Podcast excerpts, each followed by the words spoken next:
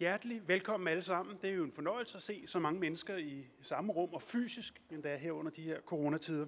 Men øh, jeg kan fortælle jer, at det her betragtes som en biografopstilling, så vi må gerne være helt op til 500 herinde. Så vi er faktisk i fuld compliance med coronareglerne i dag. Jeg hedder Rasmus Helve Petersen. Jeg er fungerende formand for Folketingets Klima- og Energiudvalg. Jeg er øh, rigtig glad for at se jer alle sammen her i dag til en høring om sektorkobling. Og det siger jo noget om bredden og dybden i den grønne omstilling, og det her ord sektorkobling kan have så stor betydning, at vi skal mødes her så mange mennesker for at snakke om det. Og når jeg en gang imellem kaster mig ud i lange foredrag for mine børn eller min familie om grøn omstilling og snakker om sektorkobling, så bliver man jo helt engageret i det. Men man må medgive, at det er ikke en folkesag. Der er ikke mange derude, der ved, hvad det her drejer sig om. Derfor synes jeg, det er så dobbelt vigtigt at fastholde en politisk fokus på emnet. Velkommen til vores oplægsholdere, som har taget sig tid til at komme i dag for at give deres bidrag, og velkommen til tilhørende og alle, der følger høringen på nettet eller fjernsynet. DTU har jo, som øh, burde være alle bekendt herinde, sammen med Dansk Byggeri og Dansk Energi og Fri og Dansk Fjernvarme, Dansk Gasteknisk Center og DI Energi gennemført et sektorudviklingsprojekt om smarte energisystemer. Og det er det sektorudviklingsprojekt, der danner baggrunden for høringen i dag. Formålet med høringen det er jo at få et aktuelt billede, et sureført billede af, hvor smarte energisystemer og sektorkobling står i dag. Og hvilke perspektiver det rejser for Danmark og internationalt med hensyn til at opfylde klimamål for reduktion af CO2 og så for vækst og jobskabelse. Energikommissionen har peget på, at der fremadrettet er behov for et paradigmeskifte med fokus på udvikling af et mere sammentænkt og et markedsbaseret energisystem, baseret på digitale løsninger, der effektivt kan udnytte energien fra de vedvarende kilder. Smarte energisystemer og sektorkobling, det er et centralt element i det her paradigmeskifte. Som sagt, så synes jeg, at det er på sin plads, at vi i Klima-, Energi- og Forsyningsudvalget øh, holder denne høring, hvor vi også får mulighed for at stille spørgsmål til de eksperter og videnspersoner, der er samlet her i dag. Høringen er delt i to. Og I den første, der skal vi høre grundlæggende om smarte energisystemer og sektorkobling, potentialet for CO2-reduktion, samt at bidrag til grøn omstilling i andre lande. Og i den anden, der skal vi høre om rammebetingelserne i Danmark i internationalt perspektiv og om potentialet for forbedringer. I forhold til det første udsendte program for høringen, så har vi foretaget en lille ændring, så vi nu også har et oplæg fra Dansk Energi. Jeg håber, vi får et par spændende udbytterige timer, og vi kan afvikle høringen på en måde, hvor vi får mest muligt ud af alle jer, der kommer her i dag. Og der vil jeg jo altså som ordstyre tilstræbe, at vi når programmet igennem. Så derfor vil jeg på forhånd sige undskyld til jer, som jeg kommer til at afbryde, for at sikre, at vi holder tidsplanen. Men sådan er det. Inden vi går i gang, så er der et par praktiske bemærkninger. Vi skal jo overholde gældende retningslinjer med hensyn til corona, så vi skal huske at også holde afstand herinde, når vi står og snakker sammen. Vi skal huske at spritte hænder. Der er masser af muligheder for det. Ikke stemme sammen. Der bliver kun en kort pause på 10 minutter. Der skal man fortrinsvis, hvis det er muligt, blive på sin plads. Man kan altid hente drikkevarer herover, øhm, og man kan også gå på toilettet, og betjentene vil altid gerne vise, hvor det er henne. Et af oplæggene er på engelsk. Der er simultan tolkning begge veje, og headsets kan man tage over ved døren. Høringen bliver sendt på Folketingets TV. Jeg vil derfor bede om, at man præsenterer sig, når man får ordet, øh, hvis jeg ikke har gjort det allerede. Jeg vil øh, hermed endnu en gang sige velkommen, og så vil jeg give ordet til den første oplægsholder. Det er Marie Mønster fra DTU, og værsgo til dig. Vil du komme herop?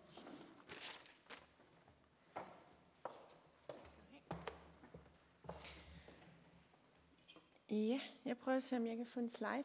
Ja. Øh, mit navn er Marie Mønster. Jeg er professor i MSO i energisystemmodellering på DTU Management. Og øh, bare sådan en recap. Øh, når DTU laver et sektorudviklingsprojekt, så rækker vi ud til industrien, og sammen så laver vi ligesom et overblik over, hvor er vi i dag, hvad har vi for nogle forskningsbehov, hvad er der for nogle potentialer i de her øh, teknologier, og øh, hvad er der måske af behov for ændringer i rammevilkår. Og det er det, øh, vi vil præsentere for jer i dag, det her arbejde, vi har lavet. Og, øhm, og emnet er jo så altså smarte energisystemer og sektorkobling. Som, og det, jeg vil fortælle lidt om, det er, hvad kunne man måske opnå af CO2-reduktioner. Øh, så øhm, hvis vi starter med at kigge på, hvordan har vi gjort det i Danmark, og jeg prøver lige at klikke videre. Øhm, så, øh, så har vi altså fået en masse vedvarende energi, og øh, vi har fået CO2-reduktioner. Og det er jo gået godt ned ad bakke, og øh, man kan sige, at øh, hvis vi skal opfylde målet om 70 procents øh, reduktion af klimagasudledninger i 2030, så er der lige et stykke vej endnu. Og øh, det jeg vil vise jer, det er blandt andet, øh, hvordan kan øh, smarte energisystemer bidrage til det. Øh, udfordringen er jo, at øh, vi får en masse Øh, energi ind i form af el fra vind og sol, og det skal vi have integreret ind i øh, vores energisystem på en god måde. Vi skal håndtere kapacitetsbegrænsninger. Der bliver en, øh, vi forudser en vældig elektrificering også af andre sektorer, og der kan blive nogle kapacitetsbegrænsninger blandt andet i eldistributionsnettene. Vi skal sikre, selvfølgelig skal vi sikre energieffektive tiltag, og så skal vi gøre alt det her på en omkostningsmæssig effektiv måde. Øhm. Har en lille udfordring med den her. Og øh, det her flotte billede illustrerer altså, hvordan øh, vi så kan forestille os, at de her smarte energisystemer skal fungere. Tidligere har vi jo haft øh, fleksibel produktion af, af el, øhm, og det vi skal hen imod, det er at udnytte de her fluktuerende vedvarende energikilder, så vi får brug for noget fleksibilitet fra andre dele af energisystemet. Det kan være nede fra bunden, hvor vi ser øh, forskellige forbrugere. Vi kan have forbrugere, der har fleksibel forbrug. Vi kan også have nogle forbrugere, der ligesom leverer noget energi op til det resterende system. Og så kan vi have noget fleksibilitet inde i systemet i form af lagre og ved at handle med, med omverdenen, øh, for eksempel eltransmission. Men hvis vi lige kigger ind i boksen her, så har vi jo så ligesom øh, fire forskellige dele, vi kan, vi kan arbejde med. Så vi har mulighed for at elektrificere. Vi kan altså bruge el til varme. Vi kan bruge det til at producere øh, gasser. Vi kan bruge det til at producere flydende brændstoffer. Øhm, vi kan sige, at Øh, vi kan udnytte gassen til at producere flydende brændstoffer, og vi kan øh, have noget overskudsvarme fra de her flydende brændstoffer, som vi kan udnytte øh, til øh, termisk energi. Så, så de her forskellige netværk, øh, vi har, dem skal vi udnytte intelligent, så vi skal lave en smart kobling, sådan så at vi udnytter øh, synergipotentialer mellem de forskellige netværk. Øh, og, øh, og noget af det, man kan sige, det er, at el det er jo en, i, i slutforbruget, altså vi kan udnytte det meget effektivt, men det kan være lidt dyrt at lære. Øh, vi kan konvertere det til noget gas, så har vi et tab, men øh, til gengæld så kan gas være øh, hvad skal man sige, et vigtigt brændstof, i, blandt andet i industrien, men også til øh, spidslast i, i el og varme, fjernvarme.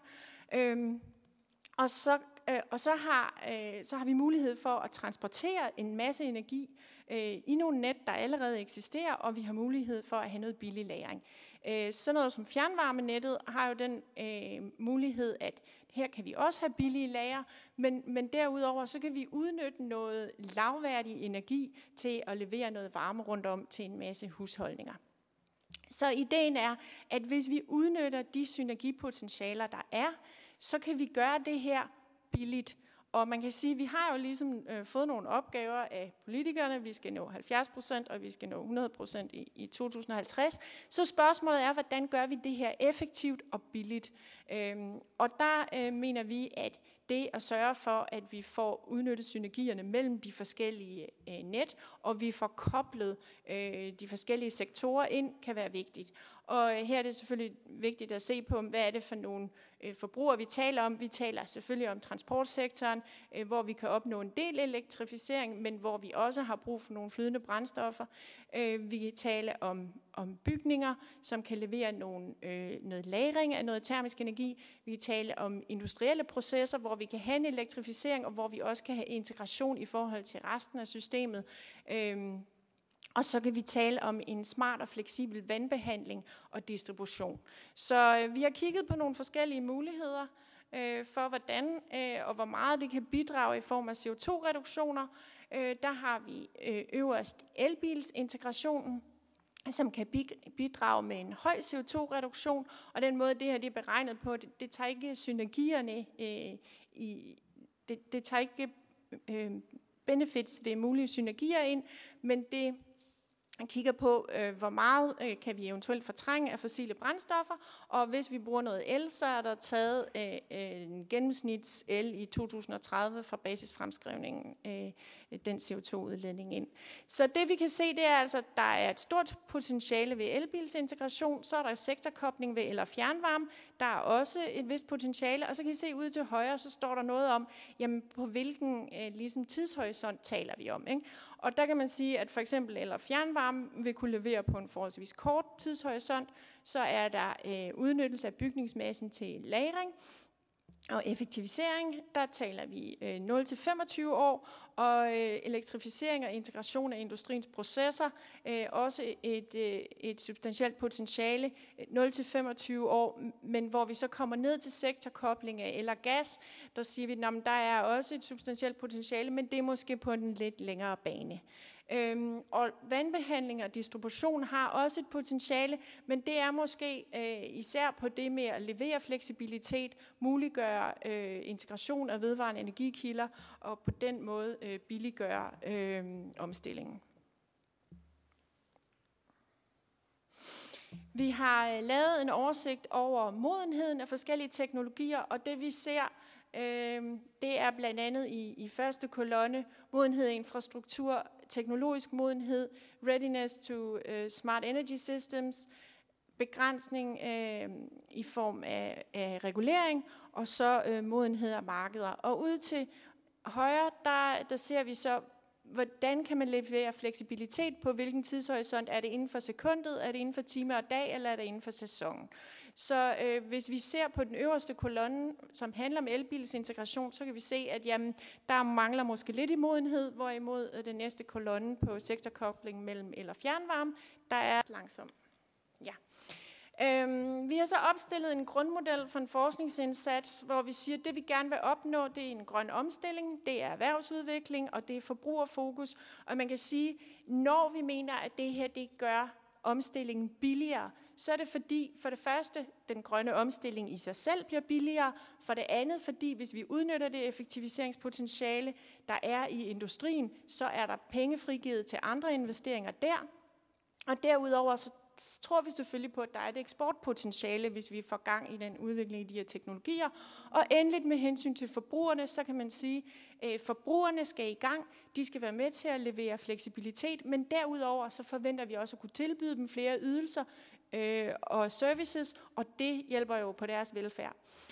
Den måde, vi foreslår at gøre det, det er gennem, at vi øh, øh, leverer fleksibilitet, integration og øh, gennem optimering og automation. Øh, og alt det her det er så faciliteret af en række teknologier, som vi selvfølgelig arbejder med at udvikle, men det er ikke mindst øh, er der behov for at have øh, fokus på systemarkitektur og styring og på digitalisering. De her smarte, koblede energisystemer, de skal kunne tale sammen og vi skal kunne øh, udnytte de synergier, der er imellem dem. Hvis de står i siloer, så får vi ikke den her, det her smarte energisystem, øh, så bliver det dyrt at lave en omstilling. Men det forudsætter altså en tilpasning af rammebetingelserne, øh, og, øh, og derudover så skal vi have en videre... Jeg ved ikke, om batterierne er lidt sløve her også.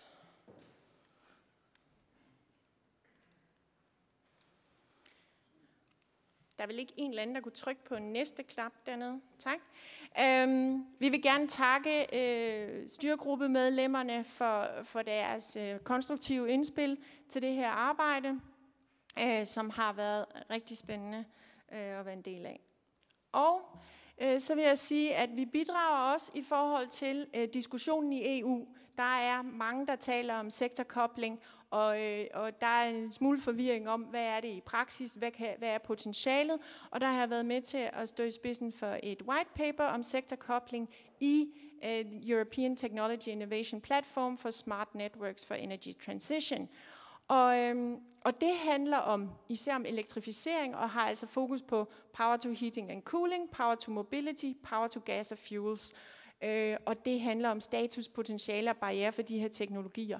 Og hvis I vil vide mere øh, om den slags, og især om øh, linket mellem el og gas og resten af energisystemet, så tag at gå ind og kigge på Future Gases hjemmeside, som er et projekt, vi netop har afsluttet, som var et dansk projekt, som handlede om, hvad bliver rollen for øh, gasnettet i fremtiden, og på øh, Super Power to Gas, som er et europæisk projekt, hvor vi er fem lande, der sammen kigger på, hvordan får vi bridget gabet mellem, at vi har noget forskning, men vi skal have noget kommercialisering af de her øh, power to gas løsninger. Så øh, det var mine 15 minutter måske. Mange tak skal du have. Så øh, vil vi give med det samme ord til den næste oplægsholder, som er Lars Tving, der er præsident i Danfoss Heating. Værsgo. Tak skal du have, og endnu en gang tusind tak for, at vi endelig tager det her super spændende emne op, der hedder sektorintegration. Mit navn er som sagt Lars Tveen. Jeg sidder med i direktion på Danfoss med øh, ansvaret for det segment, der hedder heating. Og øh, der, hvor vi står, det er det primære. Vi kan starte vores rejse mod øh, vores øh, 2030-mål på 70 procent med meget større hastighed, end vi allerede har gjort. Og vi kan gøre det intelligent, og vi kan gøre det mindre intelligent.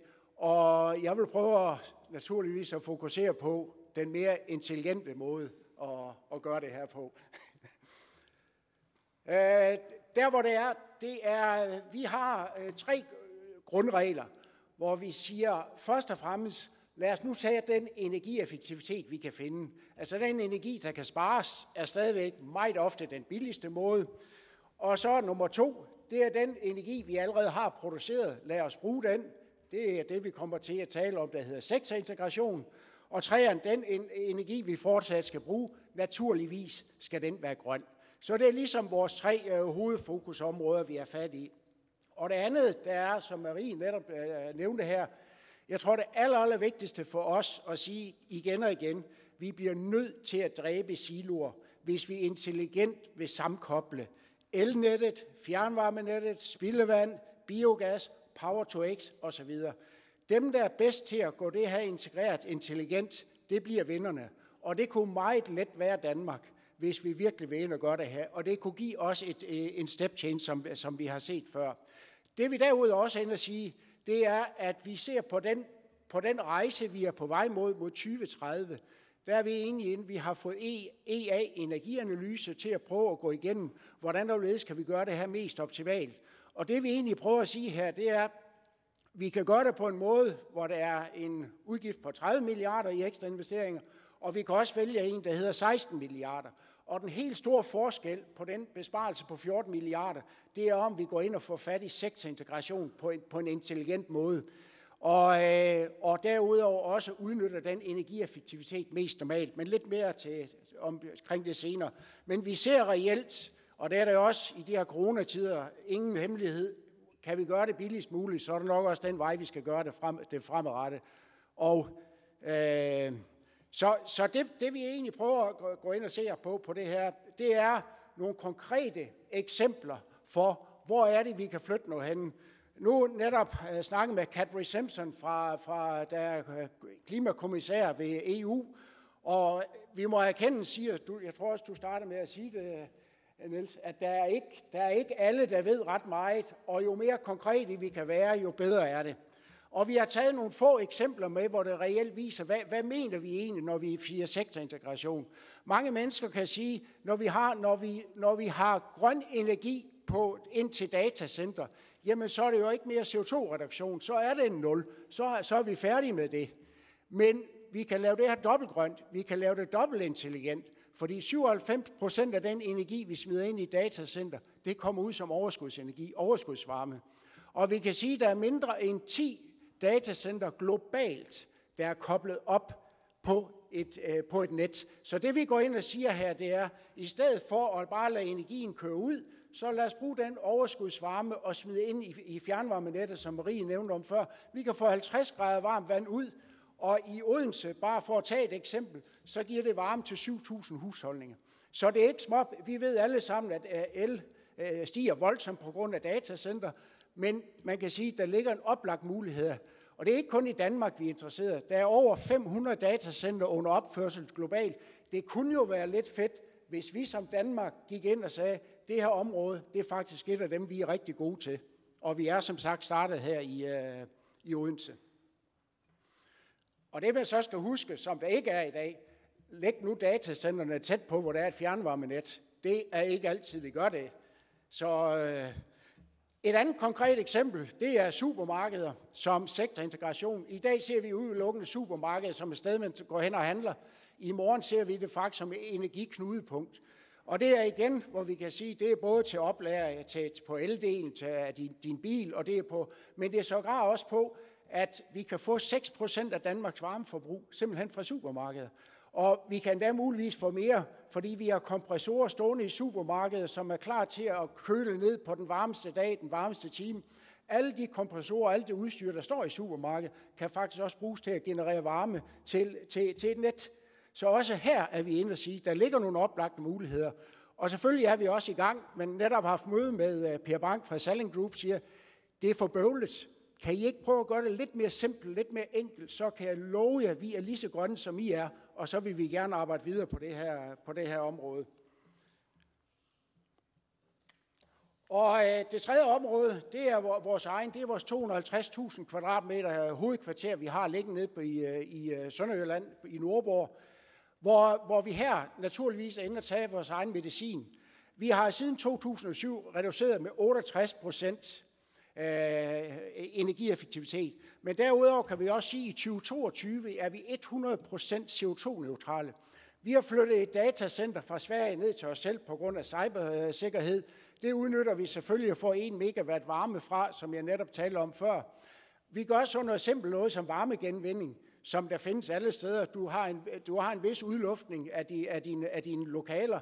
Der er vi også ind og hente. Så, og, og øh, som, som alle siger, jamen selvfølgelig gør I det, når I er Danfoss. Jeg siger, I skal jo uh, tage jeres egen medicin.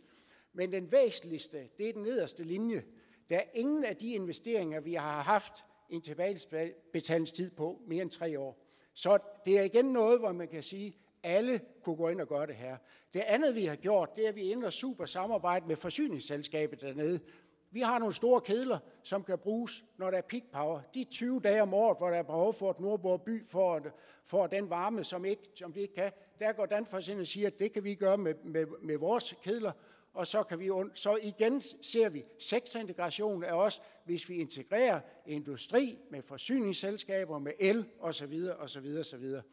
Og, øh, og det her er selvfølgelig noget af det, vi også arbejder videre med på, øh, på andre steder. Og vi kan sige, er det kun fordi, det er dannet for os. Naturligvis er det ikke det. Og vi står i den grad til rådighed også med at fortælle om, hvordan er det, vi har gjort det her. Fordi der er ikke, det er ikke noget med tilskud, det ene eller det andet. Det er simpelthen ved at prøve at inspirere hinanden, hjælpe hinanden, og, og, og så komme videre derfra. Og ja, en del af det, det er super simpelt, fordi alt, hvad vi kommer til at se omkring sektorintegration, det kommer til at omhandle varmepumper, eller en meget stor del af det. Og det er simpelthen at have installeret fire store varmepumper, vi har gjort, og, og som så dækker 20 procent af Danfoss' øh, varmeforbrug.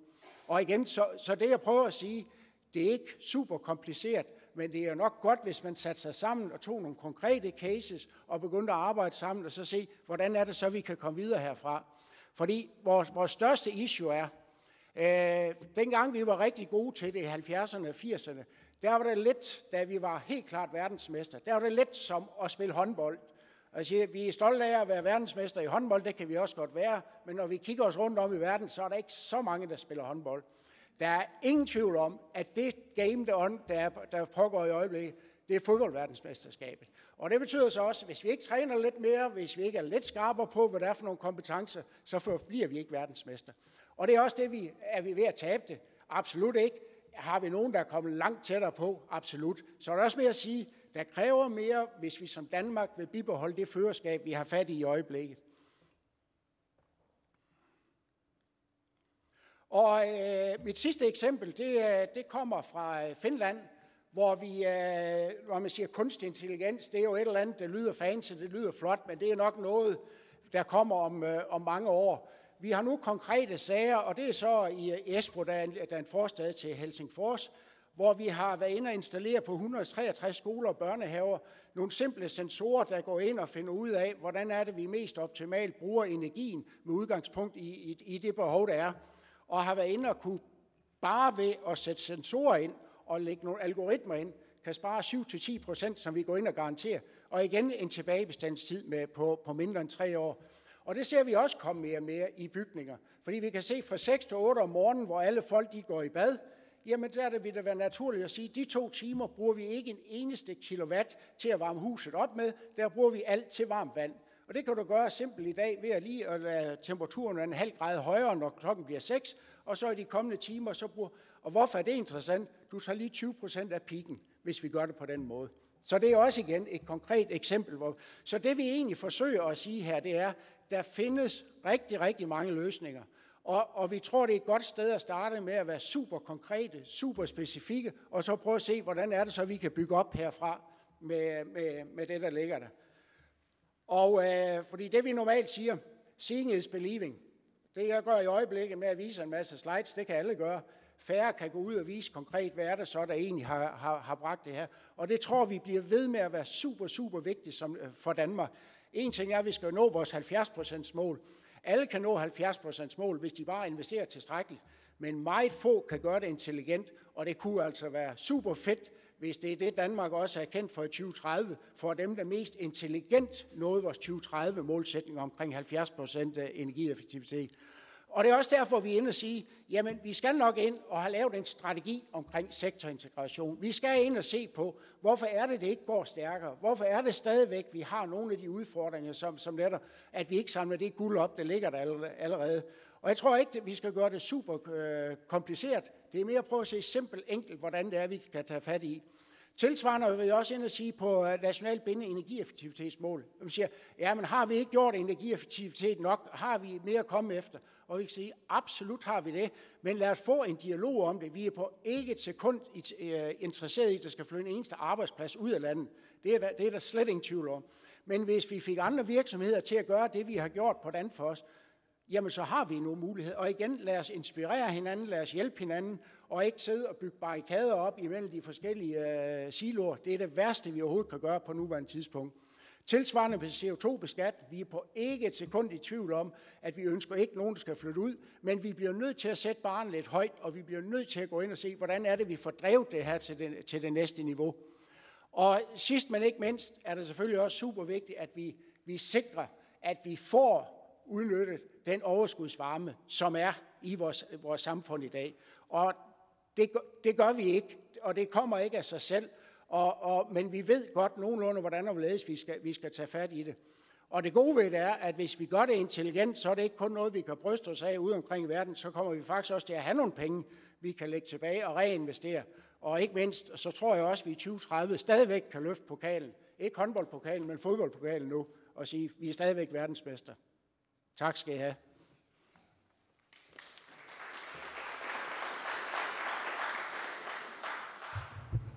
Tak for det, og altid rart med en sportsanalogi, så man kan følge med. Øhm, det siger jeg helt uden ironi, det mener jeg. Jeg er meget glad for sportsanalogier.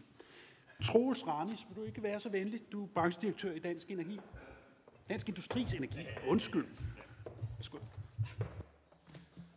Tak skal du have, Rasmus. Og dejligt at kunne være her i dag. Katarina, Thomas, Ruben, Anne og Rasmus. Altså grund til, at Dansk Industri står her i dag, det er fordi, vi efterlyser en national strategi for sektorkobling eller sektorintegration.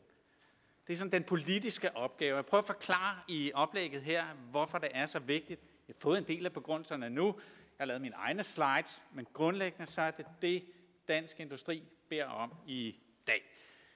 Lad os prøve at se, om vi kan få gang i præsentationen her. Fordi hvad er det nu, sektorkobling egentlig handler om? Og Marie var jo inde på det. Jamen altså, vi får en masse grøn energi, som vi jo skal have til at anvendes i nu ikke bare én sektor, men alle sektorer.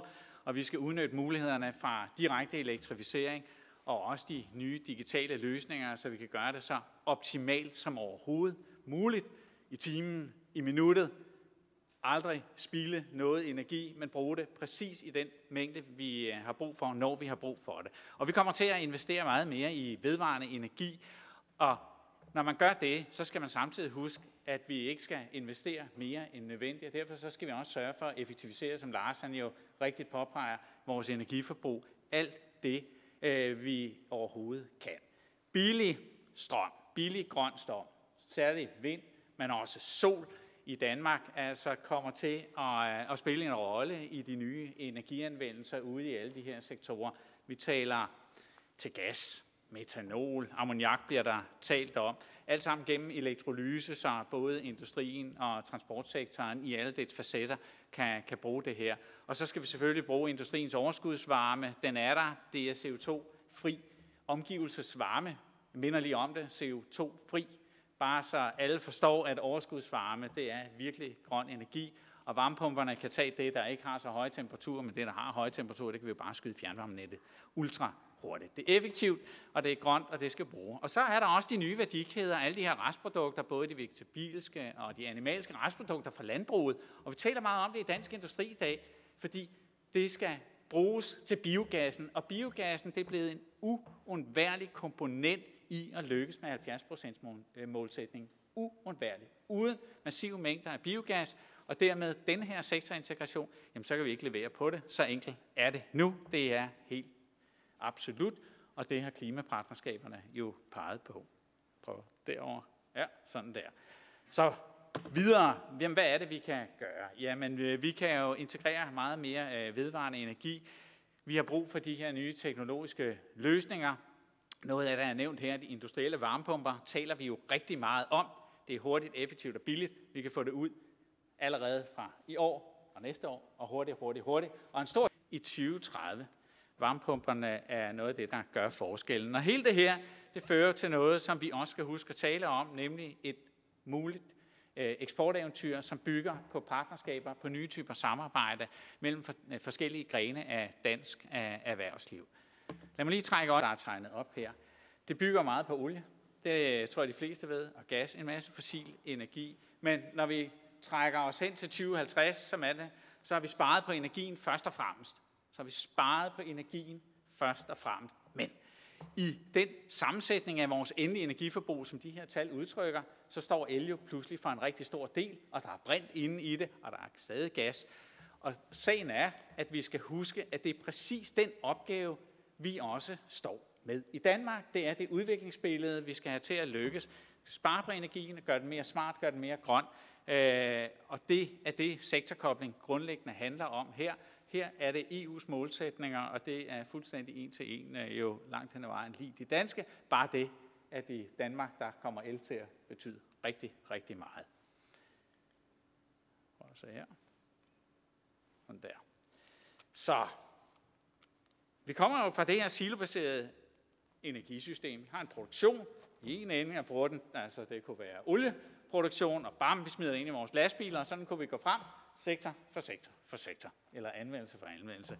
Men det, der handler om fremtidens energisystem, det integrerede, og også ud i alle erhvervsanvendelser videre frem, det er meget mere komplekst. Det er super komplekst. Og det vi så har lagt til den opgave her, det er, at det er faktisk rigtig godt for at få et klimavenligt samfund, og tænke super komplekst. Gør det smart. Øh, meget mere på tværs. Og den strategi har vi ikke. Det har vi ikke. Den er ikke aftalt i 22. juni-aftalen. Jeg kunne godt have stået noget med sektorintegration. Jeg stod og trampede lidt over dansk industri. Ah, kunne de ikke? Men nu er jeg her igen, og jeg håber stadig, at man på trods af, hvad der lige stod i teksten, kan følge op på, øh, på, det, her, øh, på det her spor. Lad os lige trække den politiske tidslinje frem. Bare sådan lige et par år tilbage, fordi at vi er jo ikke her for ingenting. I energiaftalen i 2018, der snakkede vi også allerede om at få en sektorkoblings, øh, et sektorkoblingstiltag. Vi skulle have et smart energisystem. Der blev løftet tanker om regulatoriske frizoner. Kunne vi steder i Danmark prøve noget af? Det kunne være byerne. Det er et oplagt sted. Stort forbrug. Mange mennesker. Kunne vi prøve at se, om vi kunne ændre adfærd ved at deregulere en lille smule mere? Så kom det grønne vækstteam sådan relativt hurtigt efter et halvt år efter, gav 10 anbefalinger med Lars Peter Søby, Dansk Industris formand i spidsen, godt nok i egenskab af, af covid-topchef, det er han stadig, og sagde, øh, der skal også fokus på store ska- øh, skalerede referenceprojekter rundt om i Danmark. De havde en klar ambition, det er der aldrig fuldt op på politisk, øh, og det ser vi gerne kunne ske. Ja, EU spillede med, EU Green Deal, og lagde præcis også vægt på sektorintegration allerede tilbage 11. december 2019. Så har klimapartnerskaberne været i spil. Øh, jeg vil vise jer lige om et øjeblik, hvor mange af de 350 anbefalinger, der egentlig direkte navngivet handler om sektorintegration. Bare i tal, så I får et billede af det. Der er ikke tid til at dykke det hele ned. Klimaaftale 22. juni for ikke så længe siden taler jo om at koble fjernvarme øh, øh, og, og andre sektorer øh, og meget mere også. Og fremadrettet, ja, EU de er allerede i gang, har fremlagt en sektorintegrationsstrategi, også en brintstrategi. Vi har ikke set skyggen af det i Danmark endnu, men det bør komme. Vi taler om, at vi skal lave noget på elektrificeringsdelen til Power to X. Og hvad er det så for nogle ting, vi taler om? Ja, mere fleksibel regulering. Det her det er bare eksempler på det, der kunne. Fleksibel regulering, storskala øh, projekter, referenceprojekter har jeg talt om, hvor vi prøver ting af, gør noget nyt. De regulatoriske frizoner har jeg nævnt. Digitalisering. Kunne vi tage nogle tiltag der, for at se, om vi kunne bruge det data, vi har fra forsyningssiden. Det kunne være Energinets datahop, den kunne måske aktiveres lidt mere smart, end det den bliver udnyttet til i, i dag, og i det hele taget øh, prøve at se, om vi kunne øh, arbejde med det her forbrugsdata lidt mere. Det er bare eksempler, og det er taget fra det grønne vækstteam. Meget mere kunne, øh, kunne nævnes i den her sammenhæng. Så var der det med klimapartnerskaberne. Vi havde 13. Det har vi sådan set stadigvæk. De otte af dem har helt konkret nævnt sektorintegrationsforslag i anbefalinger. Energi og forsyning 42 ud af de 93. Sådan har vi talt det op. Den energitunge industri her, og, og den i sig selv øh, vidner om, hvor, hvor vigtigt det er. Og sådan kunne man blive. Sagen er, at de her sektorer fra energi og forsyning over i de andre, øh, jo vidner om det, jeg allerede har nævnt. Klimapartnerskabet har tegnet en række konkrete anbefalinger. Når man summer det hele op, 115. 30 procent af de samlede anbefalinger. Wow! Så her har vi altså allerede et super fundament sammen med det grønne vækstteam til at lave en sektorintegrationsstrategi. igen. Så opsummerende, ja, lav strategien, det vil styrke udviklingen af fremtidens teknologier, øh, drive den gennem digitalisering, mere integration øh, og gøre energisystemet meget mere smart. For de her stærke flagskibsprojekter, jeg har prøvet at, at tale om og advokere for her, få dem til at ske helt konkret. Øh, tal med Danfoss, få nogle eksempler på, hvor kunne man gøre det hen, hvordan. Øh, det er da et godt sted at starte. Vi har masser af virksomheder og medlemmer af dansk industri. Og så er der det med eksemplets magt. Det er showcasen, den danske showcase. Vi tror på, at det her med fordobling af vores eksport, den bygger blandt andet på det her. Altså det er jo målet. Måske skulle vi sige en tredobling af eksporten af energiteknologi og services øh, i virkeligheden. Måske er vi for uambitiøse, men hvis vi gør det her med sektorkobling, så er jeg helt sikker på, at så vinder vi også i den anden ende. Tak for ordet.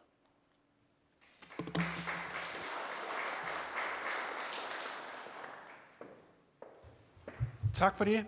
Det er jo øh, forbilledet også med tiden. Det skal I også have tak for, men det vigtige er selvfølgelig indholdet. Nu vil jeg øh, spørge Jakob Østergaard, som er professor ved DTU Elektro og Ikke. Du vil tage os igennem det næste punkt. Værsgo. Ja, tak for, for ordet. Jeg hedder som sagt Jakob Østergaard og kommer fra DTU og er leder af Center for el. Det jeg godt vil øh, fokusere, vi har hørt her, øh, hvordan det her med, med sektorkobling er en hjørnesten i øh, udviklingen af fremtidens øh, energisystem at opnå øh, vores 70% øh, målstilling, mål, målsætning. Og det jeg godt vil fokusere på her, det er nogle af de barriere, som, som jeg ser øh, fra forskningssiden, øh, for at det her det kan realiseres, og også for at vi udnytter det til, med, med den øh, kæmpe erhvervsmæssige øh, mulighed, der ligger på, på, det her, øh, på det her område. Vi har allerede set, nu skal jeg lige have den her. Und, yes, jeg går videre til den der. Øhm, vi har allerede øh, set det her øh, billede fra Marie øh, Mønter, øh, hvor, øh, som viser, at det her med at koble øh, systemerne sammen er forudsætningen for en effektiv øh, øh opnåelse af vores øh, øh, klimamålsætninger. For at det her det skal kunne lade sig gøre, så er der behov for digitalisering. Digitalisering er den lim, der kan få det her til at, at, at ske. Hvad er det, det så handler om? Jamen, det handler om øh, platforme, der kan, øh, vi kan bruge til at dele og anvende øh, data på tværs af aktørerne. Det handler om nye markedsplatforme, hvor ydelser de kan udveksles. Og det handler om Øh, at driften af de enkelte delsystemer den bliver koordineret gennem automation, styringer og optimering af øh, systemet. Alle enheder, der indgår i systemet, de skal øh, udstyres med sensorer og have indbygget øh, kunstig intelligens, så de kan tale elektronisk sammen, og på den måde bliver, bliver systemet øh, smart. Men hvad indebærer øh, det så? Ja, det, øh, det, det kræver, er faktisk lidt af et øh, paradigmeskifte, som vi har set i øh, alle mulige andre brancher, der er blevet digitaliseret. Her er eksemplet fra, fra telesektoren, hvor vi kom fra det her gamle analoge system, meget simpelt, en enkel ydelse. Man kunne tage telefonen, ringe op til en anden og, og, og til en eller anden minuttakst. Det vi har i dag, 15 år efter iPhone, eller mindre end 15 år efter iPhones øh, opfindelse, det er et helt andet øh, økosystem. Det er et, øh, det her styresystem, som ligger på de her øh, mobiltelefoner, muliggør et væld af nye øh, services og forretningsmodeller. Og det er lidt den samme transformation, vi skal igennem i, øh, i energisystemet. Vi er på vej. Vi har datahop og forskellige andre øh, elementer, som øh, er en del af det her, men der er lang, lang vej frem for, at øh, vi når øh, til det her mål. Hvordan bidrager øh, den her digitalisering så til omstillingen? Ja, for det første øh, muliggør den, øh, den her sammenkobling af de forskellige energisystemer, og den lukker op for alle de her nye muligheder med services øh, og, og apps øh, i, i, øh, i energisystemet.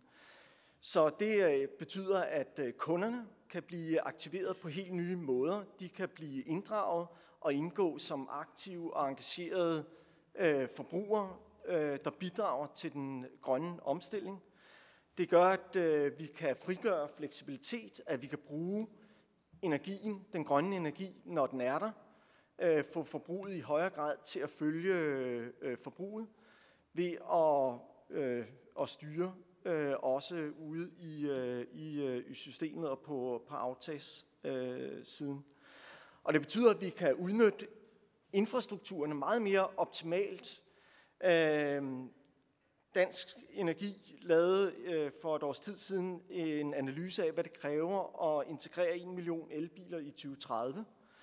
Og det kan man gøre dumt, øh, lidt som vi gør i dag, bare slutte dem til nettet. Øh, det betyder, at vi bliver nødt til at opgradere hele infrastrukturen, og det kommer til at koste frem til 2030 13, øh, 16 øh, milliarder øh, kroner.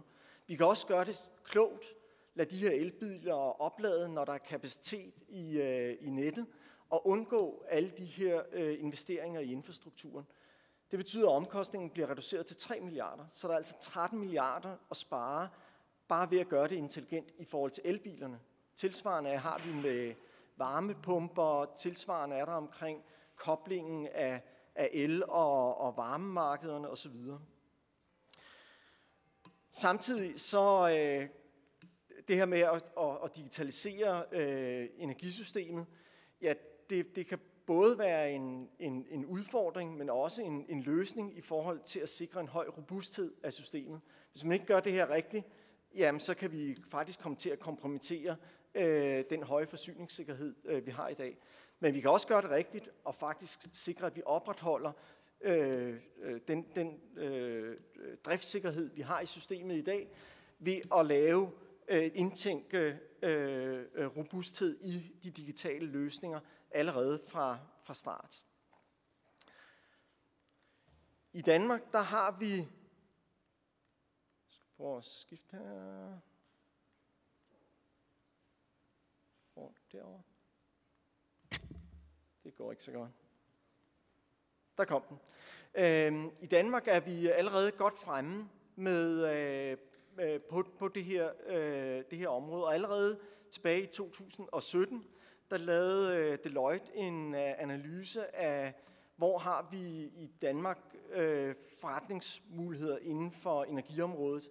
Og faktisk det her område med digitale energiløsninger eller intelligente energisystemdesign, som der står i den lille tabel her, øh, blev faktisk udpeget som det område, øh, hvor vi både har en, en dansk styreposition, og hvor vi har det største globale øh, markedspotentiale. Øh, og vi har set siden da øh, forskellige øh, øh, digitale opstartsvirksomheder, øh, men der er også andre virksomheder inden for f.eks. Øh, smart øh, charging af elbiler og energi, energilæring, omkring øh, CO2-footprint øh, og omkring øh, energifællesskaber. Den samme udvikling ser vi i andre lande, og den kører faktisk rigtig, rigtig hurtigt. Øh, faktisk hurtigere, end den gør PT herhjemme. Så hvis vi skal udnytte det her, så skal der altså helt andre boller på suppen, end, end der er i dag. Hvad er det så for, for, for, for barriere, øh, vi ser? Jeg har taget to med her i, øh, i dag. Det ene, det har vi allerede øh, hørt lidt om, nemlig de her testzoner. Og der er tilbage fra energiaftalen, øh, øh, øh, fra, øh, ligger, ligger der, er der implementeret det her med, øh, med testzoner. Der bliver på, i, på case-by-case basis, kan man søge om at lave afvielser fra øh, den nuværende regulering i et meget øh, lille eller begrænset omfang i, i, øh, i, i, i, i sådan geografi og i tid. Øh, men det, der er behov for, især når det kommer til de her øh, digitale løsninger, og især i forhold til digitaliseringen, det er at se løsningerne i samspil. Så det her med at lave test på case-by-case basis, det er ikke det, vi har behov for. Vi har behov for at se, se case, øh, test i stor skala, og hvor vi kan se de her øh, teknologier i samspil og med den nye regulering. Så vi har alt, i dag alt for meget man sige, tørsvømning, som det her billede i baggrunden øh, viser. Øh, vi skal ud og have teknologierne ud og arbejde i, i de nye fremtidige øh, rammebetingelser. Den anden, øh, den, den anden barriere, jeg godt vil pege på, det er den måde, vores øh, forskningsudviklings- og demonstrationsprogrammer øh, fungerer på. I dag der er rigtig meget fokus på, hvordan de her øh, programmer kan støtte udvikling af konkrete teknologier. Vindmøller, vindmøllerne, varmepumperne, batterierne osv. Så det svarer til, at vi i dag finansierer udviklingen af de her enkelte apps, de enkelte teknologier. Men det er rigtig svært for programmerne i dag at finansiere de her system, øh, den her systemudvikling, finansiere udviklingen af det her operativsystem, det her digitale lag, som vi skal ind i øh, energisystemet, og som er i virkeligheden forudsætningen for, at vi får alle de her øh, øh, forretningsmuligheder, som digitaliseringen øh, giver, og få dem øh, i spil. Så vi skal i langt højere grad øh, investere i at udvikle det, det styresystem, der skal til øh, at få øh, sektorkoblingen til at ske, og give øh, os de øh, markedsmuligheder, øh, der er i hele digitaliseringen af øh, energisystemet. Ja, tak for det.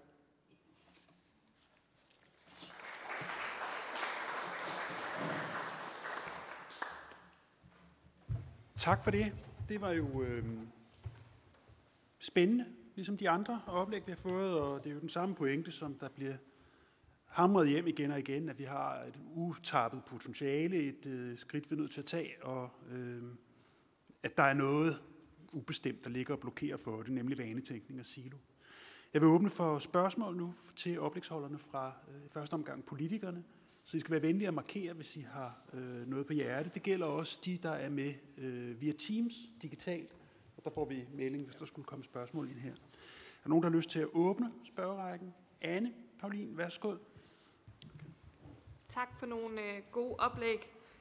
Øhm, øh, Jakob, jeg starter lige med dig, øh, fordi at her til sidst så snakkede du om behovet for testzoner i øh, en større øh, skala. Hmm. Og der har jeg lyst til at spørge, Altså, har vi set et spørgsmål om, altså har vi brug for mere, mere test, eller, eller kan vi allerede sige, hvad det er for nogle regulatoriske barriere, som der er i dag? Mm. Øhm, og så er der jo meget og er det primært, øh, fordi vi har behov for en strategi, som der er handlingsorienteret og peger frem og siger, der skal ske det og det og det, eller mangler vi også svar? Vi tager nogle øh, spørgsmål oven på hinanden, før vi begynder besvarelserne. Katarina Amelsbøl som den næste. Ja, mange tak for nogle rigtig gode øh, oplæg. Øh, mit spørgsmål var også lidt i forlængelse af det med sektorstrategien, men jeg har nogle flere.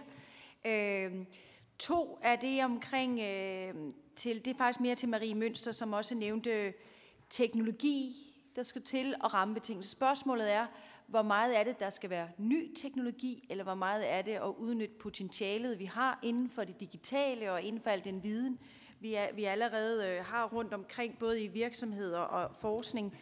Du nævnte også rammebetingelser. Øh, er der nogle øvrige rammebetingelser, eller mere specifikke rammebetingelser skal til? Og i øhm, tråd med det med teknologi, så vil jeg også spørge øh, dig, Jakob Østergaard, omkring øh, digitale kompetencer. DTU startede en bachelor inden for AI for, for tre år siden, og der er noget på ITU. Øh, jeg hører 30 procent af virksomheder må, må tage, sige nej til ordre. Vi er simpelthen ikke digitalt nok, men der kræver også mange digitale kompetencer inden for det. Så du skal sige noget om altså, fremtidens digitale kompetencebehov.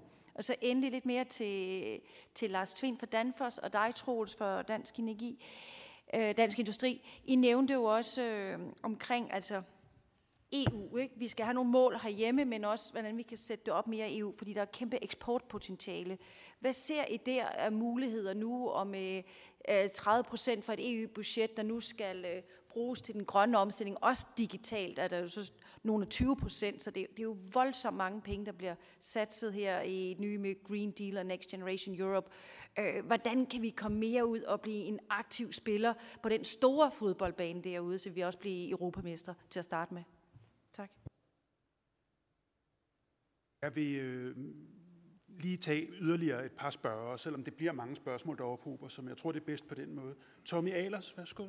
Kom Øhm, tak til alle fire, det var virkelig, øh, virkelig spændende. Man sidder og får den tanke, at en af de store fejl på det her område, vi har lavet, det er at kalde det sektorkobling. Det lyder godt nok kedeligt. Og sammenlignet med de fire indlæg, altså vi har fundet på noget andet, så selv en varmepumpe lyder mere, mere sexet end, end sektorkobling. Så det er måske en konkurrence, vi skulle starte med at finde et nyt navn til det. Øh, første spørgsmål, er vi generelt, synes I sådan, måske også lidt det, du øh, hensyder til, Troels, at vi, øh, er vi blevet for fokuseret på 70%-målet i 2030, og så er det lige meget, hvad der sker i mellemtiden, og der har vi masser af grøn energi, og så, betyder det ikke, så, gør, øh, så, øh, så gør det ikke noget, at vi bare østler energien rundt. Er den lidt den måde, som du måske øh, hentyder til med din øh, kommentar der? Øh, det må I andre også gerne kommentere på.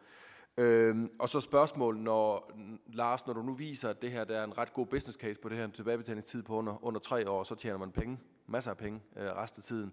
Hvorfor sker det så ikke bare sig selv? Altså i meget højere grad, end, end det, det lyder på på alles oplæg, at, øh, at det rent faktisk sker.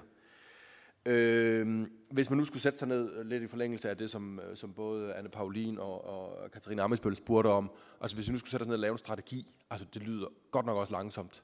For det lyder lidt som om, vi godt ved, hvad der skulle ske. Hvorfor kunne I ikke bare aflevere, blive enige om, og så aflevere det til os, og så sige, det er det her, I skal løse, øh, politikere, og det skal I gøre nu. Og så et spørgsmål måske mest til dig, øh, Jakob. Den, øh, det lyder lidt som om, at den, det første billede, du havde der med, at man, øh, øh, altså ansvarlige forbrugere, der godt kunne, kunne gøre noget, tror, tror du og tror I på, at hvis vi får det her mere i spil med, at man også kan se sit energiforbrug og selv gøre noget, at den der bare vi nok, øh, hvad skal man sige, der hvor befolkningen nok mangler lidt at føle, at det her er de også med på. For det er ikke bare bliver, at vi bygger en eller anden energiø, og så skal du bare fortsætte med at bruge energi præcis på samme måde. Tror du på, at er vurderingen lidt, at det også kan gøre det, som vi nok kommer til at mangle lidt, at befolkningen også kan se, at der sker noget på det her område, og derfor føler, at vi også øh, reagerer, både som industri og, og brancher og politikere? Godt, så vil jeg give ordet til Ruben Gide fra Radikale Venstre. Jo, tak, tak for en øh, mængde rigtig, rigtig gode, øh, indsigtsfulde oplæg. Øhm, et øh, kort øh, spørgsmål øh, til, til, til Jakob i forbindelse med, med de her, øhm, ja, væk fra tørsvømningen over til, til noget, noget større skala samspilsprojekter. Kan du prøve at sætte, nu er jeg selv valgt på Frederiksberg, kunne du prøve at, at sætte lidt, lidt mere øh, billede på, hvordan kunne, kunne det konkret øh, se ud, hvis at man lod, lod for eksempel en kommune, kommune som Frederiksberg være sådan en, en, en øh, sandkasse. Øhm, og øhm, ja, øh, lidt ligesom øh, de andre øh, har, har, har spurgt lidt ind til selve strategien for sektorkoblingen. Altså hvis vi, øh, hvis vi bliver sådan meget konkrete, hvad er det, som, øh, hvad er det, der er behov for, at, at vi alle sammen bliver, bliver klogere på, øh, på sådan en mere teoretisk plan, kontra, hvad er det i virkeligheden, som er sådan mere øh, handlingsløsningsorienteret, hvor er det, øh, hvad er det konkret for nogle, øh, nogle, øh, nogle rammebetingelser, der skal, der skal ændres, øh, og er der steder, hvor der ligesom skal, øh, vi også politisk bliver nødt til at, og I har et klart budskab til os om, at vi skal prioritere nogle midler. Tak for det. Vi øh, tager en runde ned langs bordet. Vi starter med dig, Marie Mønster. Værsgo. Mange tak for spørgsmålene. Øhm, sådan det der spørgsmål om, jamen, hvor, meget er vi klar, og, og hvor meget skal vi have handlingsorientering, og hvor meget skal vi øh, ligesom udvikle mere. Det var lidt det, jeg prøvede at vise med den, de der tidshorisonter, vi har. Ikke? Der er masser af teknologierne, vi sagtens kan sætte i spil i dag. Så er der selvfølgelig nogle af teknologierne, der godt kunne blive bedre. De kunne blive mere effektive, de kunne blive billigere. Øh, så der er stadigvæk brug for, for videre. Så det, det bliver nødt til at være et både og. Men, men der er masser, vi godt kunne sætte i gang i dag. Og så, så måske det der med, jamen, ja, vi har haft fokus på at producere grøn energi, og, og nu skal vi have fokus på at anvende den intelligent. Øh, og, og det handler det der om, at det ikke er nok at opfinde en dibidut, som er super smart, hvis den ikke spiller sammen med resten af systemet på en super smart måde. Og et billede er jo de der elbiler, og det ved hvem som helst, det gør alverden til forskel, om vi lader dem dumt, eller vi lader dem smart. Og der er det jo netop, at, at øh, vi har prøvet at komme med et lidt mere sexy udtryk, som hedder smarte energisystemer. Nu er vi jo i forskningen kendte for smarte, sexede udtryk, men øh, her har vi så gjort en effort på at prøve at sige, at der er jo forskel på, om vi kobler ting dumt, eller vi gør det smart. Og det er det, der ligesom giver øh, effektiviseringspotentialet. Øhm, så synes jeg, at, at det handler også om, Øh, som vi kan forstå, altså øh, for industrivirksomheder, der er det enormt potentiale i at udnytte overskudsvarme. Øhm, og, men det bliver ikke gjort i dag. Hvorfor gør det ikke det? Det er jo besværligt.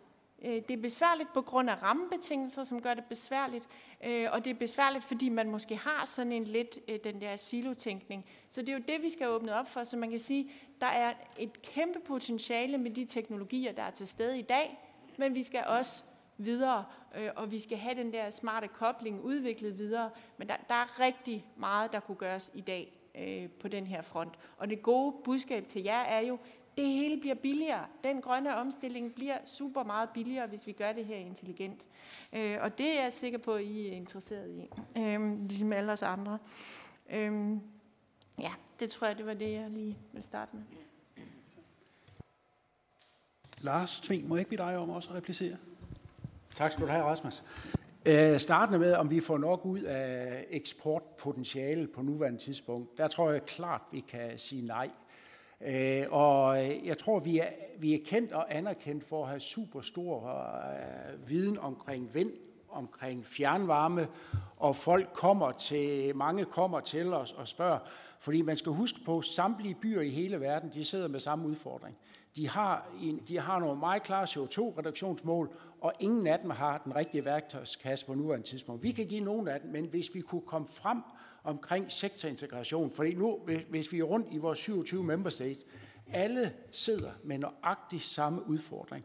Og, og der tror jeg igen tilbage til, nu, vi kalder det Application Development Centers. Vi, vi, det vi mener, det er, lad os få noget op, hvor seeing is believing. Lidt som vi har Nordhavn, lidt som, så, fordi sektorintegration, for det første er super kedeligt ord, det er jeg enig i, Tomme, og for det andet er det noget, når jeg, når jeg snakker, ingen aner, hvad det i bund og grund er. Så hvis vi kunne få nogle områder, hvor vi kunne sige, det er det her, vi mener, og så tror jeg, vi skulle get the basics right. Lad os nu få de 5-10, som, som vi kan gå ud og hente på nu, og når vi så får det etableret, og jeg er heller ikke der, jeg siger, at strategi er for mig ikke det første, lad os nu få basics right. Og når vi får basics right, så kan vi gå i gang med de næste, og så kan vi gå i gang med de næste. Men vi skal starte, og vi har ikke rigtig traction på, som, som du siger, Jacob, med vores øh, uh, tørsvømning. Og, og så tror jeg lidt den anden også, det var, hvorfor er det, øh, når der er business cases på under tre år, som du siger, Tom, hvorfor er der ikke flere, der gør det? For det første er der meget få, der ved det. Øh, det er ikke en ret stor interesse i at vide det heller ikke, og, fordi vi har fortalt det temmelig tit, og for det andet er det heller ikke rigtig noget, der det er for bøvlet, tror jeg. Det, det, øh, at det, det er lidt besværligt. Og, og, og der var det, som jeg kunne sige, øh, jeg var lidt imponeret af, hvad vi gjorde i Tyskland i Berlin, hvor de tog ABB, de tog Siemens, de tog Danfoss ind en hel dag og siger, når I nu er så kloge, så prøv at sætte jer ned og forklare lidt mere ned i detaljer, hvordan og hvorledes var det, hvis I sad i vores stol, hvad var det så, I kunne give os? Jeg siger, vi er fuldstændig ligeglade med jeres komponenter og det ene og det andet. Nu er I faktisk øh, dem, der skal prøve at få, hvordan vi får... Det kunne jeg også godt se, for så kunne vi få noget af det rykket fra hinanden og sige, lad os nu få, lad os komme i gang. Så det tror jeg var mine input også. Tak for det. Troels Ranis, vil du? Ja, og tak for spørgsmålene, som jo var mange, men øh, også øh, lidt i samme retning. Jeg vil prøve at svare på det der med strategien. Hvad handler den om? Det er jo en roadmap, altså en køreplan. Den rummer jo både, øh, hvad skal vi sige, noget vi, noget vi vil og noget vi skal gøre. Øh, men altså, det der er i hovederne på dansk industri og, og mig, det er, altså, hvad består synergierne i, sådan relativt lavpraktisk? Altså, hvilke barriere skal vi fjerne? Hvordan kan vi få el ud i større anvendelse? Lad mig sige, altså det er ikke kun handling, det er også lidt viden, Anne, fordi hvor dyb en elektrificering kan vi for eksempel lave af fødevareindustrien? Vi ved det faktisk ikke. Heldigvis så er vi i Dansk Industri og Dansk Energi eller også i gang med at undersøge det. Altså, vi har 20 cases kørende nu her på, hvor dyb elektrificering kan vi, kan vi egentlig gennemføre i vores mest energiforbrugende industrisektor, nemlig fødevaredelen. Kørte over to år. Vi kommer godt i gang. Vi lige holdt en stor konference om de her ting. Det er super spændende. 20 cases, hands-on, viden til jer og os andre om, hvor meget kan vi gøre. Det er jo varmepumper, blandt andet i forskellige afskygninger. DTU skal også kvitteres, de er også dybt inde i det her. Men altså, el i større anvendelse, hvad med de grønne gasser? Altså, hvor meget kan vi, kan vi gøre det? Både biogassen, men også andre syntetiske, måske V-baserede gasser. Hvorhen, hvor meget og hvordan? Brinten er jo et spørgsmål, vi bliver nødt til at overveje. Også får den rolle, også i Danmark. Øh, den skal i hvert fald øh, til en start øh, produceres. Hvad med energimarkedet? Altså, vi må ikke glemme det, at markedsfunktionaliteten, som vi kender det i dag, er den tilstrækkelig til at understøtte den her sektorintegration. Ja, nærmest det er lige for at sige verdens laveste elmarkedspriser. Kan de noget? Altså i det marked, vi har kørende i dag, altså skubber de til, til, til sektorintegration? Måske. Øh, hvad kan vi spare? Altså, kan vi sætte nogle kroner og øre på det? Øh, Marie nævnte øh, jo ting, det, det bliver billigt. Og så tror jeg, at vi skal udpege, at det tror jeg bliver meget vigtigt, og nu kommer jeg tilbage til Lars. De her best practices, hvad handler det om? Altså, det kunne en strategi jo godt line op også. Og så tror jeg også, at den skal udpege de her regulatoriske ønskede tiltag. Hvad handler det helt præcist om? Så hvis vi kunne lande det der best practices og egentlig regulering, vi gerne vil have til at blive gennemført, så tror jeg, vi kunne nå rigtig langt med en, øh, med en strategi. Det er i hvert fald noget af det, det handler om for mig. Og jeg tror til Katarina, at det her det bliver vi nødt til at lave for at møde mulighederne i 30% budget, der går på grøn omstilling i EU. Altså, hvad er det, vi skal komme med? Sådan lidt drøbe det ene hjørne, lidt drøbe det andet hjørne, drøbe det tredje hjørne. Det er jo altså en svær måde at danse med, med EU, øh, EU på. Hvorfor ikke orkestrere os øh, lidt bedre i, i de her ting? Jeg tror, en slags roadmap, en sektor, integrationsstrategi. Jeg ved ikke, hvad jeg skal kalde det, Tommy. Vi skal finde noget nyt. Øh, du, du er jo sådan som tidligere iværksætter, stadig iværksætter lidt en kreativ branche. Det kan jo godt være, at det kan komme fra anden hånd. Vi andre er i hvert fald åndsynligt ikke særlig gode til det. Øh, men jeg tror, jeg, tror, der er, jeg tror, der er brug for noget i, i den her retning, øh, hvad enten vi kommer til at, at, at døbe, øh, døbe barnet. Det skal også levere på klima. Det bliver der spurgt om. Altså, det er jo en nøglekomponent i det. Altså, det hænger på vores klimadagsorden, også de 70 procent, men det rækker jo langt ud over. Altså eksport, eksport, eksport. Altså, det er lidt som om det til tider er glemt lidt i, den 70, i 70 procents øh, diskussionen i Danmark. Det medgiver jeg. Altså, øh, hvor er hele det internationale aspekt af det her? Det tror jeg, vi bliver nødt til at trække meget tydeligere frem, også i de diskussioner, der kommer om de næste, øh, de næste klimaindsatser her, og hele klimahandlingsplanen, som skal landes. Tak.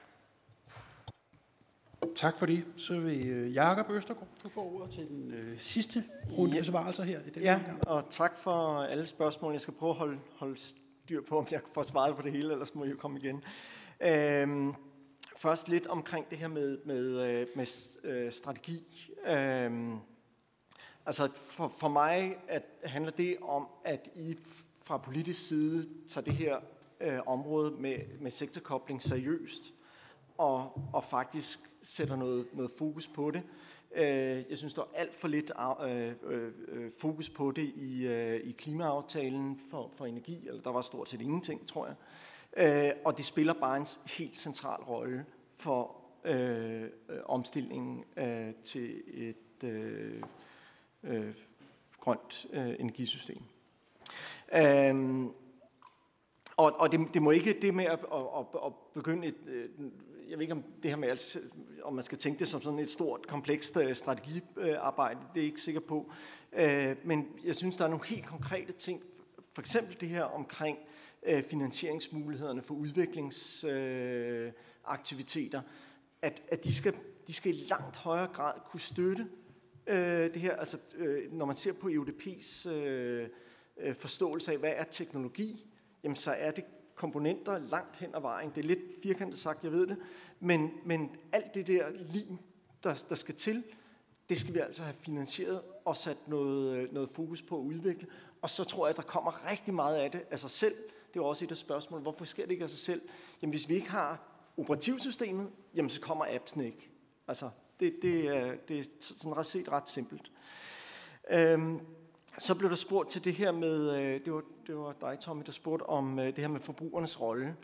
Øhm, og, og jeg ved ikke, hvor, hvor stort øh, effekten er på, på sådan den, den konkrete øh, CO2-reduktion. Jeg tror, øhm, der hvor den store effekt er, det er hele mindsetet, øh, man får.